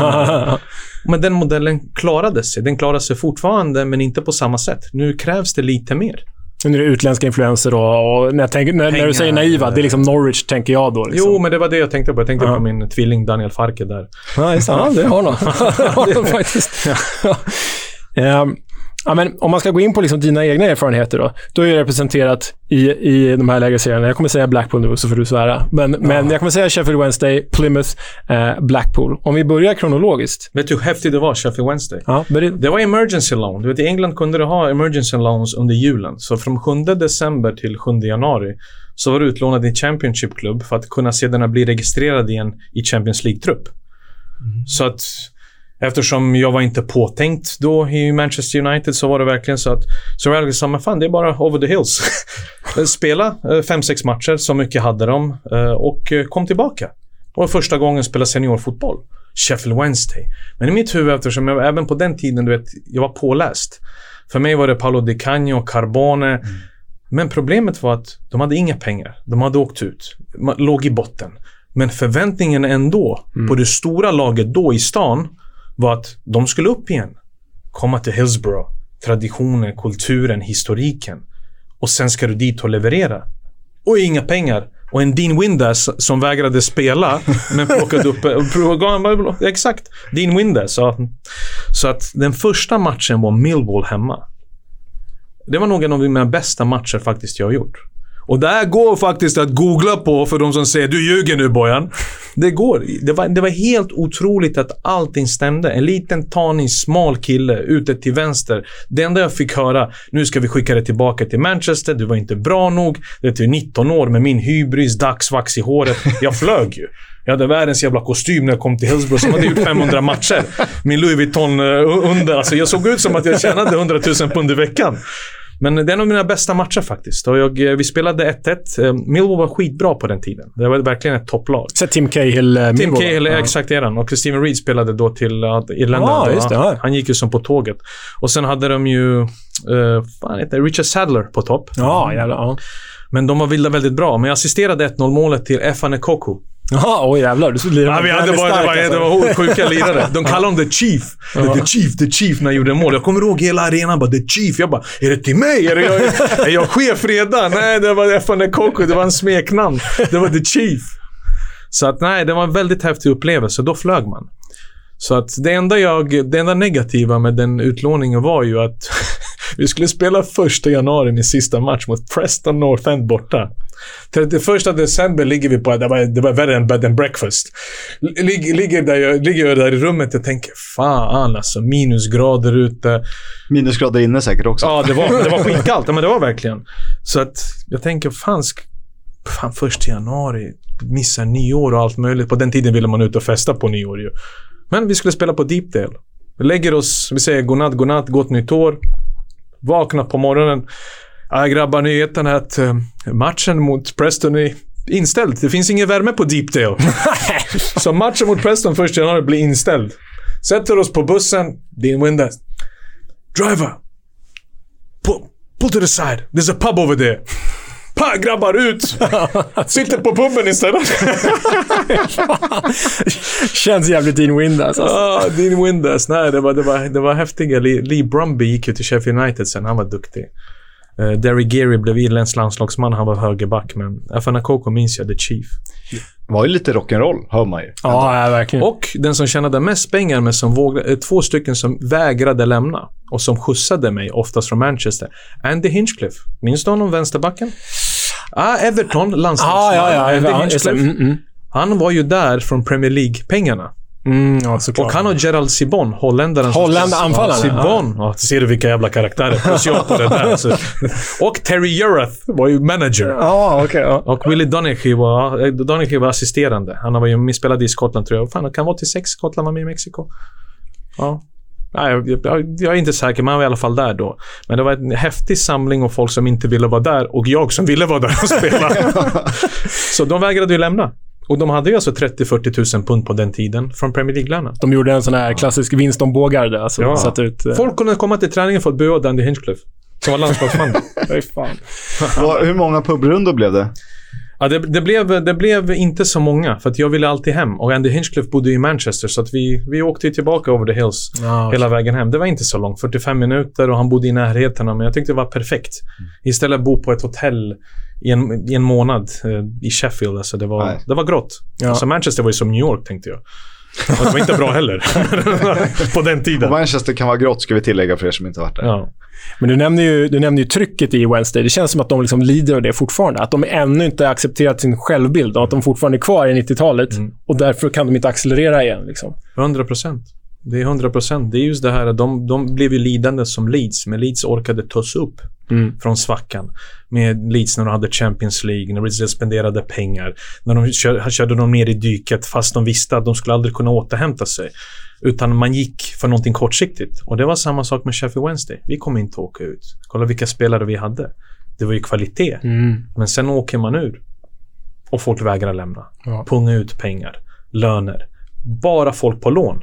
Hur ska du bygga en kulturtradition när akademin blir lidande och du har hälften av truppen som är på lån från Bradford City, från Middlesbrough, ja, från United. Det var, det, var, det var inte ens hälsosamt för de kanske fem, sex stycken som hade heltidskontrakt där då. Det, det, var, det, var en rörig, det var en rörig jävla tid. Sen har det ju, eh, det här blev vi överraskade av båda två. Sen har det ju några eh, år i Plymouth Argyle. Jag älskade Plymouth. Vi har ju, vi har ju hyllat namnet, för vi älskar namnet Plymouth Argyle. Green Army. Green Army. Ja, jag Men det här måste du berätta mer om. Men det, det, som, det som slog oss här, på, när man kollar eh, eh, vilka klubbar du har spelat flest matcher för. Om man bara räknar ligamatcher så är det Plymouth. Ja. Fan, det visste inte, det hade inte vi koll på. Jo, men gre- grejen är att jag var utlånad så pass mycket från United. Du vet, I Århus och i Röda Stjärnan var jag ordinarie. Jag spelade i 25-30 matcher i ligan, varenda en. Men Plymouth var ju längst tid. Och jag hade fortfarande mitt kontrakt kvar när jag skulle hem till AIK. Mm. Men du vet, efter 2005 och Rangers, det var då min karriär verkligen började dala. Eh, första skadorna kom. Eh, jag startade ju, det är ganska sjukt att jag var ju ordinarie i januari månad 2005 i Rangers. Sen kom ju den stora skadan mot Livingston. Och då hade jag förhoppningar. Det hade gått bra. bra. Min första debut var Old Firm mot Celtic borta. Och jag var bra. Jag var bra och jag fick ju tillbaka det här att fan 2006 det är VM, det är sjukt att tänka på Tyskland. Rangers ordinarie. Det finns en chans någon gång att få en kallelse då. Men sen kom ju den här skadan som gjorde så att jag inte fick spela mer. Jag kunde inte spela mer och jag var tvungen att välja någonstans att börja om. Men mentalt var jag inte där och den enda klubben som ville ta mig skadad det var Plymouth Argyle Championship. Berätta om Plymouth. Vad är, alltså, för många är det nog bara ett namn på kupongen. Liksom. England får man ju ändå säga. Southwest, ja. Ja, ute Cornwall. på spetsen. Devon Cornwall. Exakt. Det är precis när du åker förbi The French Riviera som blir galla- Torquay. Men de, det, det står ju så här, Welcome to English Riviera. De tager ja. Torquay, Exeter och sen kommer du ner till Plymouth. Plymouth är en uh, arbetarstad. En tuff stad. Eh, som under den tiden började verk, verkligen byggas upp. Och det var också Plymouth Argyles första sejour i The Championship. Man hade gått hela vägen tillsammans med Luton som är den stora fienden. Det är ändå sjukt. Det är långt ifrån. Men Luton och Plymouth hatar varandra. Aha. För att från League 2, League 1, hela vägen så hängde de tillsammans. Mm, mm. Och nu var de i Championship tillsammans. Just det. Så att Plymouth... Nej, jag har bara bra minnen från supportrarna, från Home Park-arenan och folket runt omkring. Det var verkligen att till, till, tillbaka till svenska idyllen när de var så stolta och nöjda att de skulle kunna mäta sig med de stora. Och de stora var ju Southampton. Hey, vi ska möta Southampton. Vi ska möta West Brom. Reading var första matchen på bortaplan, vilket vi lyckades vinna. Jag vet inte hur. Jag tror det var så här 70 skott mot mål hade vi. Och, och Nick Chadwick som spelade i Everton gjorde mål i 90 eller 85. Vi vann ju med 0-1 första matchen då i Championship. Men eh, nej, folket är fortfarande väldigt måna att man mår bra. Man får fortfarande inbjudan att man ska spela matcher där nere, komma och besöka. Vi hade ett bra förhållande med supporterna. Det hade jag. Och de visste vilken jävla tuff period jag hade från Tony Pulis till Ian Holloway. Eh, Det är två tränare som jag kommer alltid minnas, om man säger så. Kan du komma in lite närmare på dem? För det är ju två, det är två jävla karaktärer ju i engelsk fotboll. För Bobby Williamson värvade mig. Och såklart att om vi ska ta den här historien kort, Sir Alex är ju skotte. Jag åkte till Rangers, Alex McLeish var skotte. Mm. Bobby Williamson är också ett skotte. Så jag kommer till en till skotte som Sir Alex känner. så att allting började bra. Men våra resultat var skit förutom Reading. Vi spelade Watford 2-2 och sen började det dala. Vi förlorade mot Brighton, där Taribo West, jag vet inte vad han gjorde första tio minuterna. Just det, du lirar med Taribo West. Ja, fan Taribo var där. Men det roliga, Taribo hade ju eh, blivit press då. Mm. Så han kom ju till Plymouth. Och vi spelade inte Brighton en ny arena nu, folk glömmer bort. De spelade på en friidrottsarena förut. Långt åt helvete också. Ja, men det var helt sjukt. Friidrottsarena, det var verkligen som att på Sollentunavallen här. men nu är samlingen, vi ska göra det här för coachen och grabbarna, engelsmän. Taribo samlar dem nu för en bön. Så att vet, folk kryper närmare varandra, går in i en ring där i ett litet omklädningsrum. Och ingen vet, och engelsmännen vet ju själva deras humor. Vissa vill börja garva. Jag ser dem med Taribo kör. Taribo kör. Mot seger. Jag kollar på klockan efter sex minuter står Brighton 2, Plymouth 0.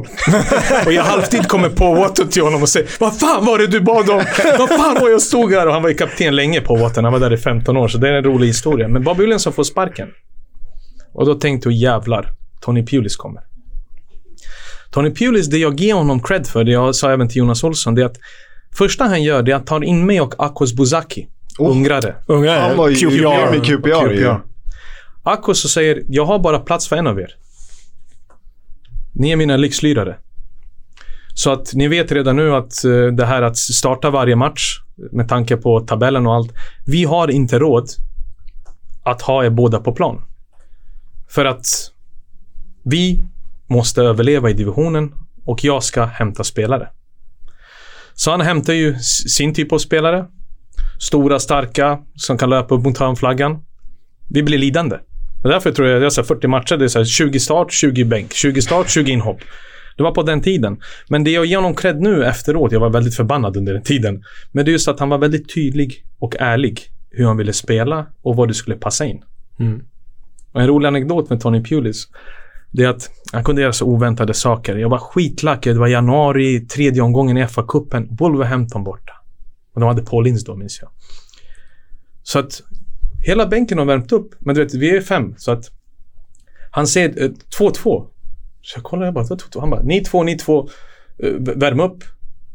Eh, Du, sitt kvar på bänken du. Säger han till mig. Vad fan händer? 0-0, de gör 1-0. Skitkallt är det Molyneux. Det är verkligen, alltså mina tår är frusna. De fortfarande värmer upp. Han ropar, jag vet inte vad fan han ropade. Han ropade i alla fall på någon.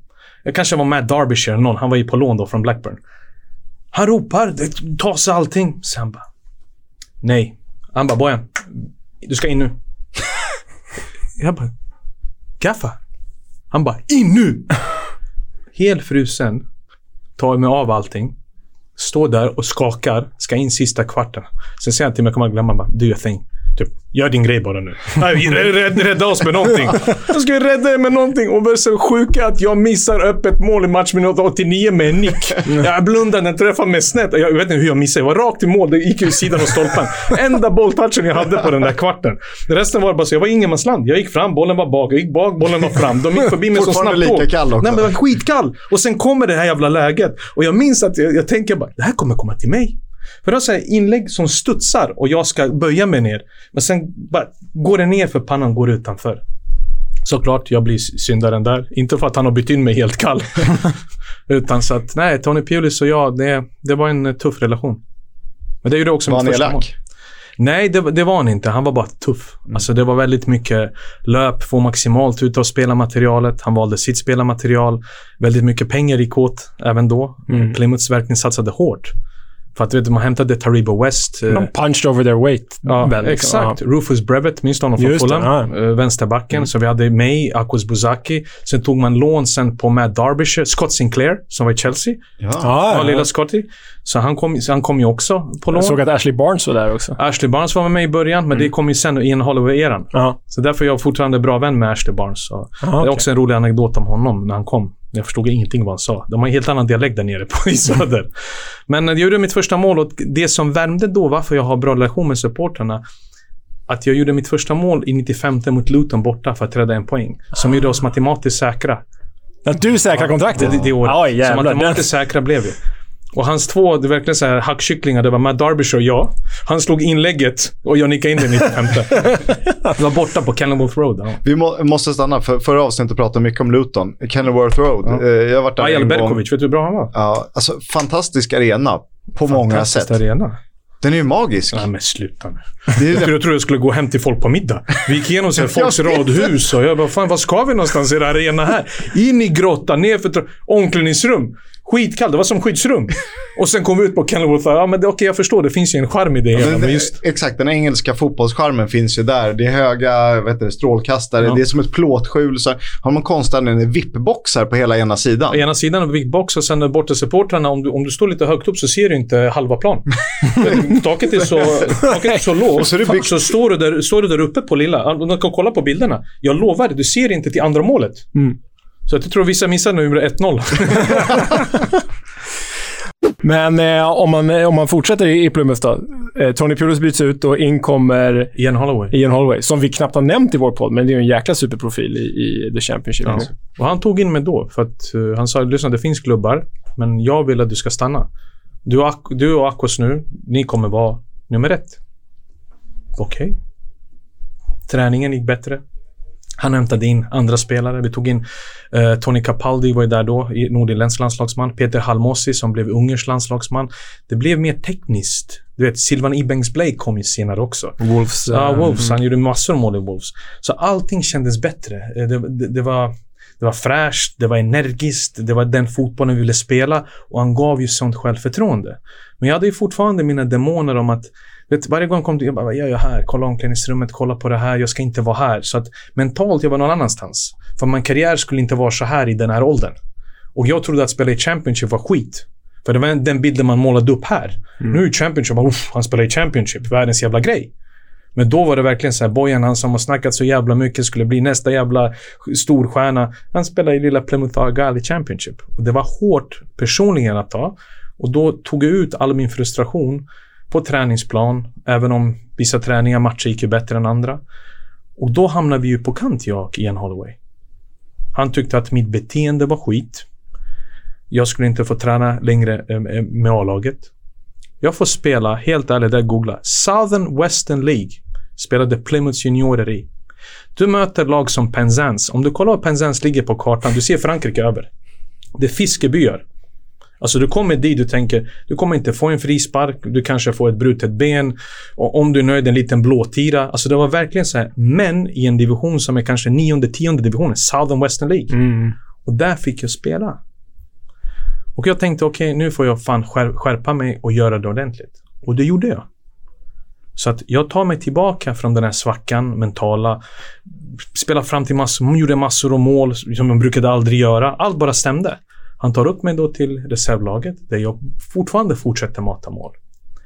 Och vi ska möta Southend borta, det kommer jag aldrig glömma. Nu har jag inte spelat alltså på 13 månader. Från start.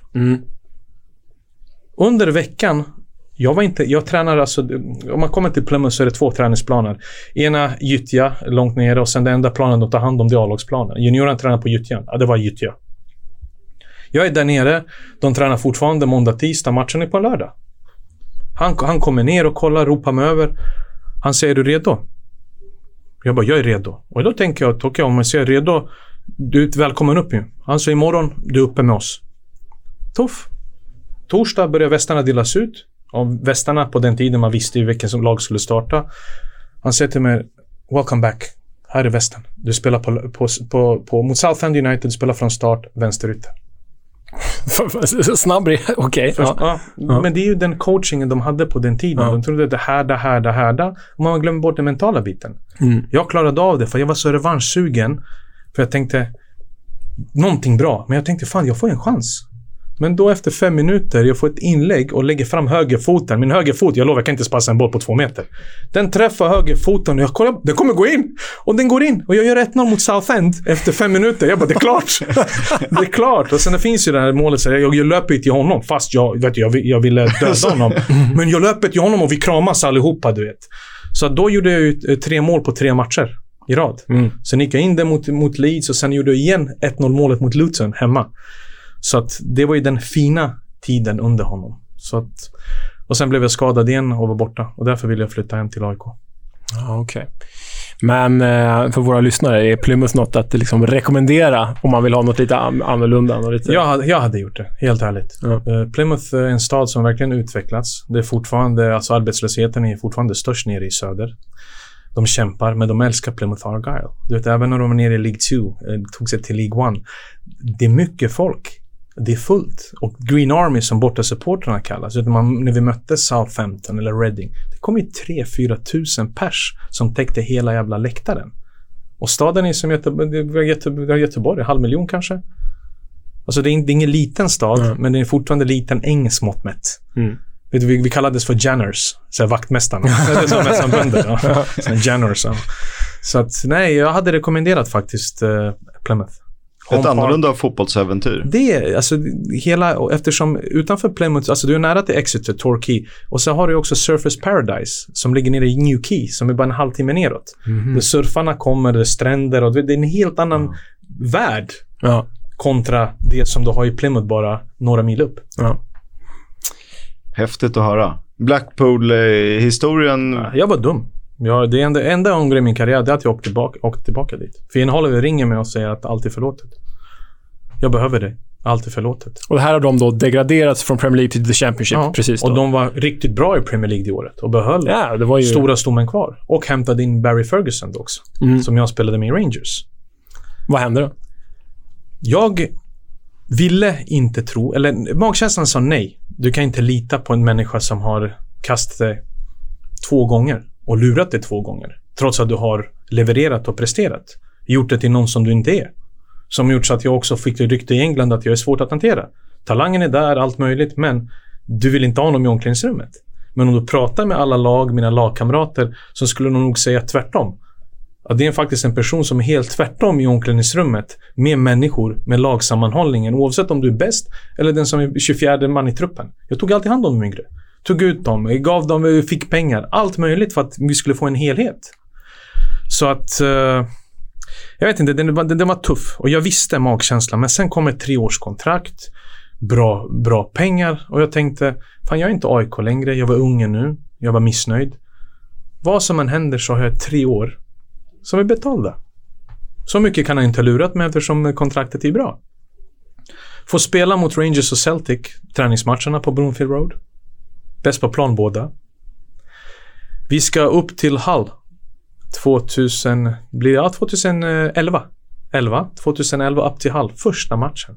Och då är ju transferfönstret eh, på väg att stängas. Truppen kommer ut. Tänk dig nu, startar varenda träningsmatch. Truppen kommer ut. Jag kollar lite, jag försöker läsa. Jag ser inte mitt namn med de som ska resa med. Och jag, det, jag, jag slår på bordet. Det är som igår. Eh, världens sämsta träningsanläggning Blackpool för övrigt. slår handen på bordet och jag det säger någonting på serbiska. Och han säger My office. Och jag sätter mig där och han säger till mig du har, in, du, har inte, du har inte ändrats. Det är fortfarande den reaktionen du ger mig. Jag ville se någonting annat. Och vad mer annat ska jag göra? Om jag kommit under försäsongen spelat, varit ordinarie, tror att jag ska till och med starta mot Hall och nu utanför truppen. Så han avslutar med att eh, imorgon när vi är där uppe så tränar du igen med juniorerna. Och då kommer den här Tillbaka allting. tillbaka allting. Och det här är alltså, vi snackar nu, det har gått fem år. Ja. 2006 till 2011. Det är så Fem år senare så ska han straffa. Han hade bestämt sig. Det är ju Han har känslan. bestämt sig. Ja, ja. Det, det är det som kallas långsint om ni googlar det Ja. ordet. Nej, alltså det, där, det, det, det är en sann historia. Och efteråt så kom ju de här jävla uppgifterna att eh, John O'Shea betalar eh, eh, bensin eller lånar mig bil, att min kontrakt är 90 pund i veckan. I Daily Ja, Mail. Ja. Och roligt är att när jag gör mitt reportage innan Championship så är det hans vän på Daily Mail som gör reportaget med mig. Utanför Blackpool. Att nu är han tillbaka. Ah, ja. Ja, Jag ska, det finns en bild så här, back, jag vet inte, Golden Mile, det var någonting där det, det står att jag är tillbaka. Och samma person nu skriver att jag har 90 pund i veckan. Vad gör? Jag vaknar på morgonen, jag ser min telefon, det bara ringer, ringer. Jag kollar Aftonbladet, Expressen, Aftonbladet skriver att Bojan tjänar en slavlön. Slavlön. Och de på Aftonbladet känner mig. Vad jag fick göra, det, det är nog det mest pinsammaste ögonblick du kan göra. Jag mejlar mitt kontrakt över nu. Till Aftonbladet. För att visa att jag inte gör det. Förstår du? Att jag, jag var så lågt nere då. Att jag var tvungen att göra en sån sak. För att bekräfta någonting. Men det som kommer ut först, det är alltid som finns på näthinnan. Ja. Mm. Ja, Då det, tänker man ingen rök utan eld och det, stämmer, det är någonting som är... De hade ju, Aftonbladet publicerade ju kontraktet. Tänkte att gå offentligt ut. Här är mitt kontrakt. ah, ja, Så här hade jag. Jag hade 5000 pund i veckan då. Ja. Det, 90 pund i veckan eller 5000. Men vet du vad? När jag Daily Mail, när jag pratade med advokater och PFA och allt. Det gick inte att stämma för falskt. För att Blackpool var enda klubben som inte betalar spelarna under sommaren. Så Blackpool betalar sina spelare bara 90 pund i veckan under sommarperioderna. Det var under Oyston-eran, när Oyston-familjen Mm. ägde klubben.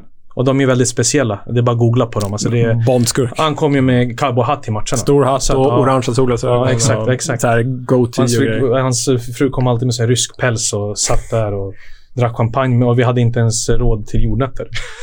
Nej, men just att det var ju problemet. Och det, det tog väldigt hårt på mig att hamna just i det läget. Men det här är sannolikt Blackpool och fortfarande sommaren, det är 90 pund i veckan. Istället för att Under- fokusera ja, på Jag vet inte hur det är fotbollen. nu, men just Oyston var ju så. Ja. Maj är slut, juni, juli, augusti. Så får du din första lön i september. Eller oktober. Du vet när, när du får det. Mm. Och det var det, de skrev ju den då när jag faktiskt hade 90 pund i Så de veckan. hade inte fel, innan- men de hade fel. Ja, Kan man exakt. säga. Vad hände, vad hände sen då i Blackpool? Nej, jag, jag lämnade eh, efter sex månader. Vi, vi kom oense efter en reservlagsmatch och det var... Det, den, den kommer jag faktiskt hålla undan. Det, den är för någonting större för min egen person. Kanske om jag skriver en bok i framtiden. Ja, att jag har någon, jo, men alltså just att det blev väldigt hetsigt. Det blev väldigt hatiskt. Det blev en konfrontation som jag tänkte, jag skiter i om jag får spela fotboll igen. När vi hade den mellan oss. Och det gjorde så dagen efter så lämnade jag ju Blackpool. Men få ett samtal eh, i veckan av Sir Alex sekreterare. Som säger till mig, managers office, nio på morgonen. Och jag sa till honom, vad fan har jag gjort nu? Manager sa, jag lämnade United för sju år sedan. Dagen efter, jag sitter på Carrington på- hos Sir Alex. Han säger, ja, jag har hört vad som har hänt så du vet att uh, träningskläderna väntar där nere. Tills du löser det här så tränar du med oss. Så fick jag träffa Vidic igen. så fick jag träna med Vidic och Ferdinand och Rooney och igen. Och Pogba då, då han var ju 18 då. Istället för gyttjan på Bloomfield Ja. Road. Nej men det var sjukt. Det är därför jag alltid älskat United. Därför jag alltid håller Sir Alex så högt. Vem De tar är hand jag om i dem- hans värld? tar hand om jo, men sina, alltså, liksom. han, sekreteraren ringer mig. Medveten om problemen. Det är ändå eh, rätt fascinerande. Manchester United, där och då en av världens största klubbar, fortfarande en kanske världens största Mm. klubb, ringer och säger det är bara att komma ner och snöra på i skorna. Medan Blackpool, som man tänker Mm. borde vara familjärt och liknande. Nej, det var sjukt. För vem var jag? Hur många spelare har eh, gått igenom klubbens akademi? Hur många spelare är kvar? Hur många har lämnat? Och speciellt under de här sju åren vi pratar om. Jag var med i United i en månad. De sa till mig eftersom du inte- kan spela i England eh, för tillfället så att vi gör så här. Du åker till, tillsammans med John Co- eh, Coffey, heter han, forward, ung, lovande. Ni åker tillsammans till Antwerpen. Just det, de hade Ja. ett samarbete Ja. där. Eh, vi ska försöka lappa ihop samarbetet eftersom de har haft ekonomiskt trubbel. Många spelare trivdes inte. De bodde på ställen som var odugliga för levnadsstandard. De fick tvätta kläder själva. Fast i början på 2000-talet, Antwerpen var ju de som verkligen tog hand om sådana som John O'Shea till exempel. Mm. De har ju varit där. Luke Chadwick. Folk som ändå fick seniorfotboll och gjorde det bra i karriärerna. Så att jag och John Coffey fick åka fram till eh, sommaren och eh, då var jag ju både anställd av United och av Royal Antwerpen. För att jag skulle komma med en rapport hur saker och ting faktiskt Ah, såg okej. ut. Så det Så handlar du inte bara om fotboll. eller spion också? Ja, men det är att folk ser hur de tar hand om de un- unga. För det var inte jag som var i fokus. Jag var äldre, utan Mm. det var de här 17, 18, 19-åringarna. Att testa på någonting annat än engelsk ligafotboll. Vara i Europa på egen hand och inte ha så nära hem. Bara för att se hur de hanterar det hela. Det är en jäkla, eh, jäkla hedersbetyg till United att, att, liksom, att göra så. Det är därför är Antwerpen med i klubbadress ju. Det var den månaden där i Antwerpen. Ja. Så därför, därav eftersom jag inte kunde spela i England. Om vi, om vi stannar lite i Blackpool, eh, för vi, i, i, i den här episoden innan, innan du klev in så har vi pratat lite om ägarskap och olika ägare i The Championship. Och du nämnde själv Owen Oyston, mm. en speciell figur. Träffade du honom någon gång? Eller hade 100 du... procent. Han Ja. kom alltid ner till omklädningsrummet. Ja. Men han hade ingen kontakt med någon annan. Och du vet, supportrarna ogillade honom starkt. Om det är någonting de pratar om på pubbarna. Jag bodde i Lytham. Lytham är lite utanför eh, Blackpool. Eh, Lite finare. Där har de ju British, vad? British Open i golf. Ja. De har golfbanan i Lytham. Det är där de Ah. brukar ha de här. Fantastiskt ställe. Och det ligger bara nära Blackpool. Blackpool är mer sådär, du vet, såhär stag do's och Ja. fredag, lördag, söndag. Ta med dig boxningshandskar för det kommer alltid bli bråk. Även om vi inte söker bråk så kommer någon annan och klappar dig på axeln bara utanför. Ha, fan Men det är, inte, det, det är väl den klassiska eh, gamla feststaden som nu typ inte är någonting för att Ja. allt har dött ut. Blackpool Pier, du vet. Man ska ta Ah. bilder utanför Blackpool Pier. Blackpool Tower. Ja, Blackpool Tower. Allt. Mm. Ja, faktiskt. Man kollar mycket komedi på Blackpool Tower. Darts. Mm. Det var ändå häftigt. Så Ah. fick se darts i Blackpool. Det var därför jag älskar darts. Jag kollar nu på Viaplay och kollar på darts. Alexandra Palace. ja, men det är helt tryck. sjukt alltså. Det är så folk, man, klär, man klär ut sig. Det blir som en Christmas do, eller vet du vad jag menar? Man bara klär ut sig och så sitter man där och ja, dricker öl och kör sångerna när de kommer ut. Och du vet, 180! Man är helt nöjd. Nej, så att Blackpool-supportrarna tyckte inte alls om ägarskapet, men de brydde sig inte. De hade klubben i sin hand. Mm. Han var ju diktator kan vi säga. Ja, 100 procent. De buade, de hade banderoller. Tror han brydde sig? Nej. Tror han ändrade? Han blev ännu värre Mm. för att visa sin makt. Han försvann ju till slut 2019 eller 2020. Men det är ju för, för Ja, ja. Jag tror de kanske har ändrat det här, men det här är faktiskt sant. Blackpool är enda proffsklubben som faktiskt under tre månader betalade spelare 90 pund i veckan. för att han skulle tjäna pengar under tiden. För han sa, ni är ändå inte här. Otroligt. Ja. Men det är ett jävla gäng ni hade där om man tittar på spelartruppen också. Har du liksom någon, någon kontakt med någon av dem? Om jag, bara, om jag rabblar några namn här så är det ändå så här välkända Championship-figurer och Premier League-spelare. Det är ju Tom Ince, Craig Cathcart, Kevin Phillips, Brett Ormerod, Chris Basham, Matt Phillips idag i, i West Brom, John Joe Shelby, Lomana Lualua och Callum McManaman. Det är ju profilstarkt gäng. Alltså. jätteprofilstarkt. Det var bra grabbar också. Och det är därför jag alltid, du vet, ni, ni pratade om, om John Joe Shelby speciellt. Då var han utlånad från Liverpool. Vet, när vi pratar även nu så folk koncentrerar sig alltid på att han är vårdslös, vilket han är. Du vet, om man går i närkamp, det var som Paul Scholes, det är bara att dra fram röda kortet. Men han, får inte nog med, han fick inte nog med cred. Det är därför jag alltid suttit i studion och säger John Josh Shelby. För hans passningsspel, första touch. Han var betydligt bättre fotbollsspelare än vad folk ville ge honom cred. Och när han kom ner då på lån till Blackpool, det var en helt annan dimension som han gav. För det året vi nådde, eller Blackpool, de nådde ju playoff-finalen igen. De förlorade i finalen, Mm. eller semi eller finalen. Så att laget var ju grymt, men han var otrolig. Även en ung Tom Ince. Paul, Paul Ince var ju där hela tiden, så att det fanns ju väldigt mycket kvalitet. Matty Phillips såg man att han skulle bli mer. Mm. Men han var ju, jag brukade alltid kalla honom som tjuren Ferdinand. Han behövde verkligen att du trampar på honom för att han skulle visa hur snabb eller hur bra han var. Det var som att han var rädd att visa folk att han var bra. Jag sa Matsi, snälla. Snabb, stark, teknisk, kunde ta sig förbi. Men det visade sig att jag skäms för att visa. Men sen gjorde honom förbannad, det var då han vaknade till liv. Den bästa insatsen jag har sett av en fotbollsspelare i England, på riktigt. Mm. QPR Chelsea i Premier League 2017, tror jag. Nej, 2015 Mm. är det. Eh, Chelsea vinner i och för sig med 1-0, men Matty Phillips, det, den matchen han gör för QPR, den matchen är helt Men det är otrolig. Matty alltså. Phillips. Mm. Det hade i West Brom också. Plötsligt bara, uff, han kommer spela högre upp. Sen ser du fyra matcher, men du ser bara att han har blivit utbytt. Och ingenting händer. Så att nej, vi hade Steven Craney var ju också där, eh, vänsterback Celtic. Skotsk, Barry Ferguson var ju, var ju, var ju kapten, han var, han var ju väldigt viktig, men Lomana Loloa, det var en karaktär också. Ja, Jag så här, kommer, kommer han på måndag? Nej men det var verkligen sådär att han kunde se. Han kunde messa mig ibland. Jag, bara, eh, jag kommer inte imorgon. Men vad ska jag säga? Ring Holloway, ring inte mig. Ska jag gå? Jag är ändå vi pratar inte ens med varandra. Jag bara, jag kommer inte imorgon. Har, du har ingen kontakt med Ian Holloway idag, antar jag? Nej, nej. Vi har ingenting. Du vet, jag, jag, jag, har lagt, det- jag har lagt det på hyllan. Det är inte faktiskt, jag brukar alltid säga jag ångrar aldrig någonting i mitt liv. Inga beslut. Men det beslutet, det var första gången jag sa till mig själv nej. Men jag gjorde det ändå. För någonting helt annat. Mm. Och jag trodde, vet du, jag tänkte, kan man vara, jag är långsint, men kan man vara så långsint att man hämtar någon i Ungern som har haft ett tufft år och ge honom förtroende. Jag tänkte med de här pengarna, med det här kontraktet. Det måste ju, för Blackpool var ju snålaste klubben i England. De betalade inga höga löner. Det här var en hög lön. Mm. Och sen plötsligt så blir det igen, allting igen. Och vet du hur bra jag mådde? Jag minns när jag kom hem då. Eh, Jag, jag bodde med Barry då i Lytham. Och jag sa till fan, Rangers, Celtic. Hej, du är bäst på plan. Och det här är ju... Nu, du vet, jag flög. Jag bara, det här var rätt. Äntligen. I ett lag som går för Premier League också, för det gjorde de ju. Det gjorde, det gjorde vi. Det var ju den känslan. Och sen plötsligt inte ens med i truppen för att resa upp till Hall. Och transferfönstret stängs. Och då försökte han skicka mig till... Eh, for, jo, Forest Green. For, for, Ekoklubben. Fast inte, Världens- inte då då. Alltså. Nej, det var de inte. Nej. Världens grönaste fotbollsklubb. Forest, Forest Green. Det fanns ju det klubbar. Exakt, Forest Green. För jag mötte dem alltid med United när jag var liten med juniorerna. Jo, det var Forest Green. Så att... eh, Ja, jag, var, jag var där i två dagar, sen satte jag mig själv i bilen och åkte hem. Jag kom inte nästa dag. Jag var som Lomana Lora. Mässade du Lomana? Eh, Lomana, jag kommer inte imorgon. Säg det till Holloway. Jo, men det var... Fan, vi- vilka lag brukar United möta alltid i FA-cupen de här tredje omgången? Tänkte säga Crawley Town. men Jag kommer Nej, bara det- det- det är någonting mindre. Det är runt de. Forest Green. Message to you Rooney. Men det är någonting runt Forest Green. Alltså, det är just den delen av England. Jag kan inte, jag har inte flygplatsläge, men jag kommer komma Kan på inte det. smsa Holloway då?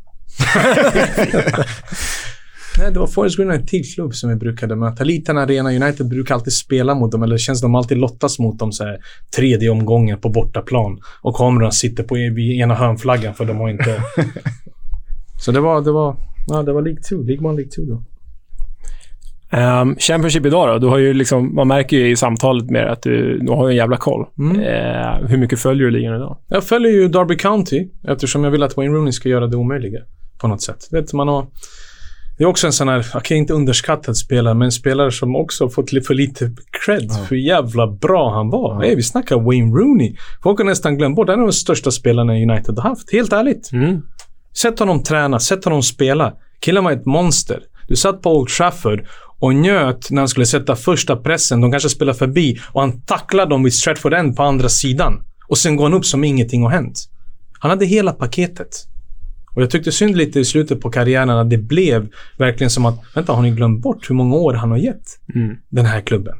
Vad Wayne Rooney betydde för klubben. För de unga spelarna. Nej, han var helt fantastisk. Och det blir så tyvärr när man börjar i en tidig ålder att man blir slut, på, alltså man blir slut ganska snabbt med den spelsti- spelstilen. Hålla sig på toppen så pass länge. Det är inte enkelt. Då har man kanske inte explosiviteten kvar när man runt 30 där lite. Okej, fråga. Varför tror du jag följer Derby County också? Eh, På grund av en spelare. Ravel Morrison. Åh, där kom det! där kom Ravel in i bilden. Ja, Ravel. Gammal polare. Eh, vi träffades, eh, vi har träffats många gånger i Manchester och han var ju junior då med Paul Pogba när jag tränade med United i 2012 när jag fick lämna Just. Blackpool. Så vi, vi träffades ju mycket och det var ju verkligen så Ravel kunde vara att han kommer inte idag. Han ska spela med grabbarna. Så United fick ju gå och hämta honom på någon... Ja men det var så. Han spelade med grabbarna. Han tyckte det var kul, roligare. Och den talangen med Paul Pogba, det, det var helt sjukt. Det är faktiskt som Rio Ferdinand brukar säga för att folk tror alltid på de här större. Om Rio säger så är det så. Jag tänkte, vad fan är det här? Han var helt enastående. Han och Paul Pogba på till och med på A-lagsträningarna, de är 17-18 och hade precis vunnit FA Youth Cup då. Jag tänkte, vad fan är det här? Det är en helt annan nivå. Och sen Östersund, vi träffades några gånger, vi hade lite kontakt. Men sen har han fått chans på chans och han lämnar. Men nu i Derby känns det som att han någonstans hittat rätt. Visst är det lite revival här alltså? Jo, men det har hittat rätt sig efter så många år. Men jag tror att det är Wayne Rooney. Han har varit där med honom.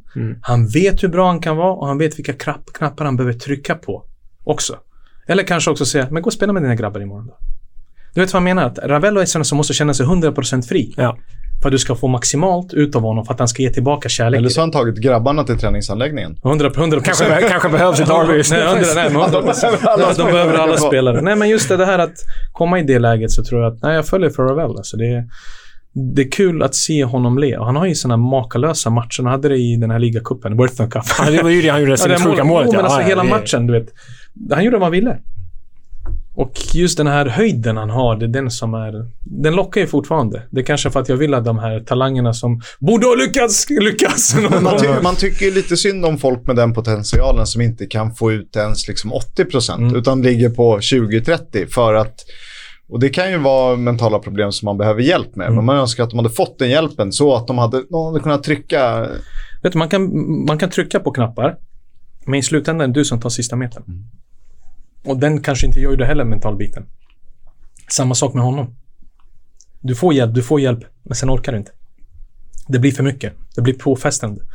I hela livet omkring. Alltså det, är, det är mycket saker att ta in, speciellt på den nivån. Och leva hela tiden med den här stämpeln att du måste ju lyckas. Att man sätter lite för hård press på sig själv och inte njuter av vardagen. Utan varje träningspass, och varje match blir ju press.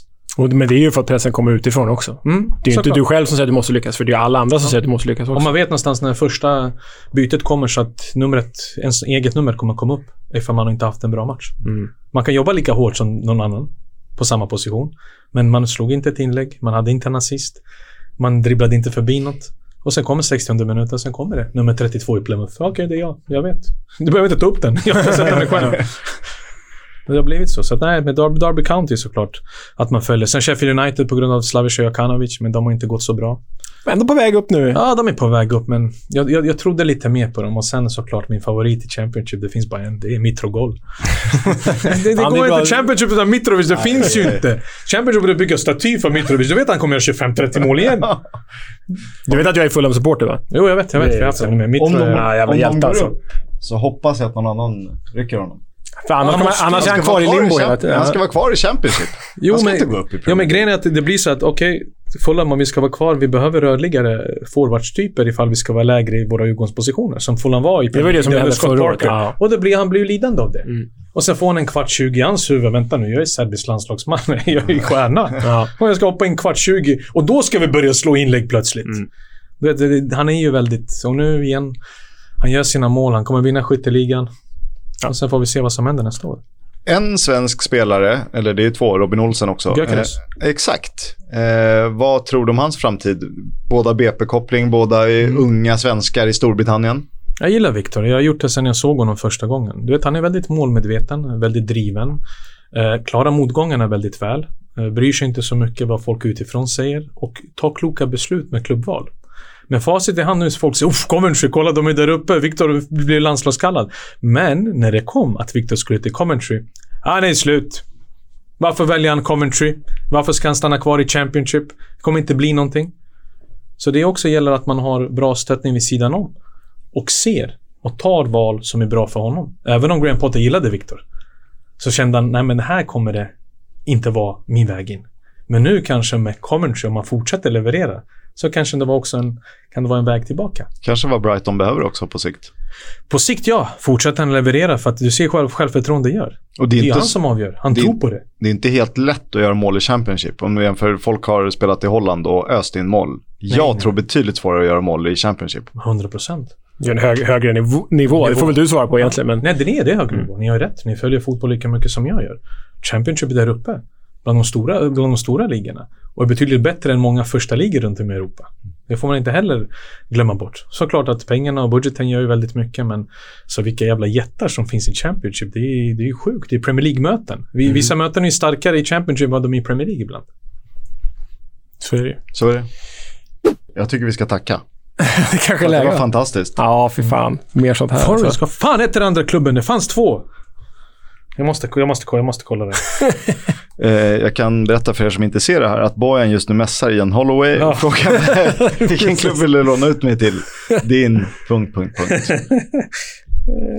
Otroligt eh, givande samtal från någon som har varit där. Ja, men det ger ju väldigt mycket att få höra, höra lite om, om eh, de här figurerna och de här klubbarna och dina erfarenheter. Det är ju... Vi kan läsa på hur mycket vi vill, men det här är något annat. Nej, det, alltså, det, det, det, är, det är någonting annat, men det är också kul att minnas tillbaka.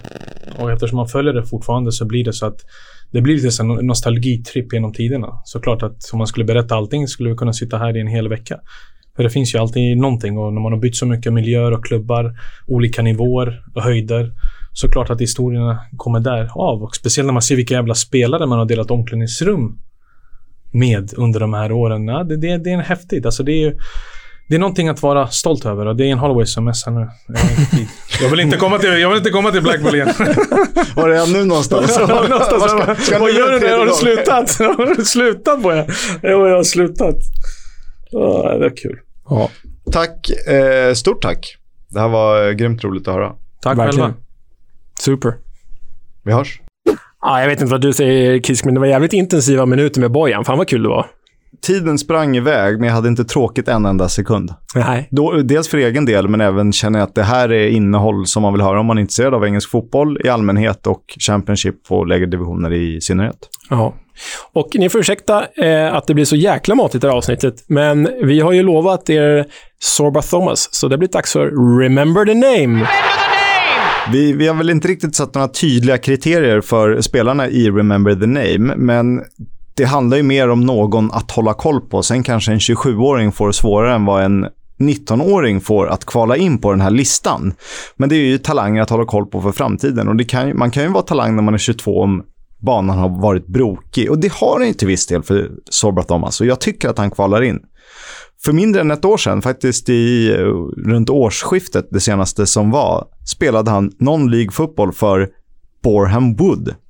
Ganska nyligen fick han utmärkelsen månadens spelare i Championship. Det var alltså för sina insatser i augusti. För Huddersfield. Exakt. Sorba Thomas är fostrad i West Hams akademi men släpptes som junior och ville inget annat än att ge upp fotbollen. Men vänner och familj och en stark vilja fick honom tillbaka på rätt spår. Och då blev det Boreham Wood strax utanför London som 16-åring. Vid 20 års ålder fick han mer förtroende i A-laget på allvar och säsongen därefter, 2019-2020, blev han en startspelare som producerade poäng. Förra sommaren var nära att skriva på för Charlton, men övergången blev aldrig av. Och där stod han, med ytterligare en motgång i ryggen och ny säsong i någon League framför sig. Men blott ett halvår senare fick han samtalet från nyckelpersonerna i klubben. Du är numera en Huddersfield Town-spelare. Det blev mest inhopp under våren, men den här säsongen har han exploderat. Spelat typ eh, nästan alla minuter, förutom nio stycken. För eh, Huddersfield noterats för ett mål och sex målgivande passningar, dessutom assistkung. Den fina säsongstarten gav honom titeln månadens spelare i augusti och nu har han en plats i Wales landslag. Mot eh, Tjeckien fick han debutera med ett piggt inhopp och borta mot Estland fick han spela hela matchen som vänsterback. Han trivs dock bäst som högerytter, vilket i Corberans Huddersfield blir någon slags offensiv wingback. Till höger alltså. Eh, styrkorna, inläggsspelet och att kunna utmana sina motståndare. Och det är en jävla frejdig figur att kolla på det här. Det lilla jag har sett av Huddersfield så är han ju... Han är ju pièce de la résistance i det gänget ju. Ja, men han är härlig. Han är härlig. Nu eh, anföll Wales mest på högerkanten mot Estland, men eh, det är inte så att han gör bort sig. Och eh, kul att se. Och det visar ju återigen styrkan i Championship, som folk kanske inte tänker på. Hur bra ligan faktiskt är. Exakt. We'll have a chat about the fucking game. About your game, last few months, last few weeks. Fucking character. Favoritsegment bland många. I det här avsnittet är det väl eh, ganska långt ner på den listan med tanke på typ 45 minuter intervju med eh, alltid lika härliga Bojan Djordjic. Eh, men här har ni veckans Warnock, Leo. And Warnock hands Webber his full debut at Ellen Road. Look at this lot,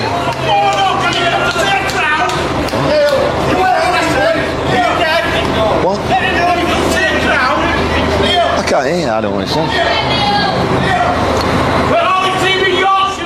哦，Ja, för att förstå kontexten där så hörde ni alltså Neil Warnock, dåvarande Sheffield United-tränare, kommer ur en spelarbuss till en match mot Leeds. Ett Yorkshire-derby. Yorkshire-derby. Och det är en, ett gäng eh, Leeds-supportrar som står och, och eh, skriker obsceniteter till, till eh, Warnock. Och som ni hörde då så sa han “What?” och “I can't hear you” och så viftar han lite avfärdande mot honom och går därifrån. Han, han är både liksom nonchalant och arg på samma gång. Han vill gå och uh, tjafsa lite, men vill bara gå in i omklädningsrummet. Ja. ja, nej. Ständig källa till humor igen. Ja, vi älskar ju och hatar den mannen. Det gör vi. Eh, superlångt avsnitt. Jag hoppas ni tycker det var superroligt. Det tycker i alla fall jag. Det var ju väldigt härligt med Bojan. Superroligt. Och eh, massa anekdoter blandat med det vi själva har sett med våra ögon. Och eh, nu är det väl bara ett tack som återstår. Ja, jag ska faktiskt ge dig en klubb till nästa vecka. Glöms alltid bort. Mm. Du har förberett något. Du ser väldigt lurig ut. Ja, men jag, ty- jag tror att det kan bli kul, för jag tror det kan bli stökigt. Birmingham tror jag kan vara stökigt. Oh, Birmingham är kul. Jag ska ringa Lee Boyer. Mm, gör det. Tack för den här gången. Och tack till Stryktipset som sponsrar. Upptäckta vägar, de han tar.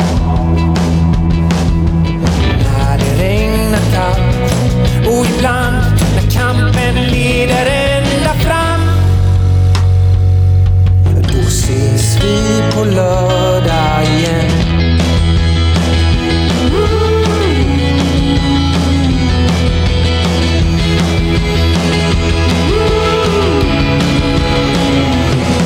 Min son, min son, du kommer väl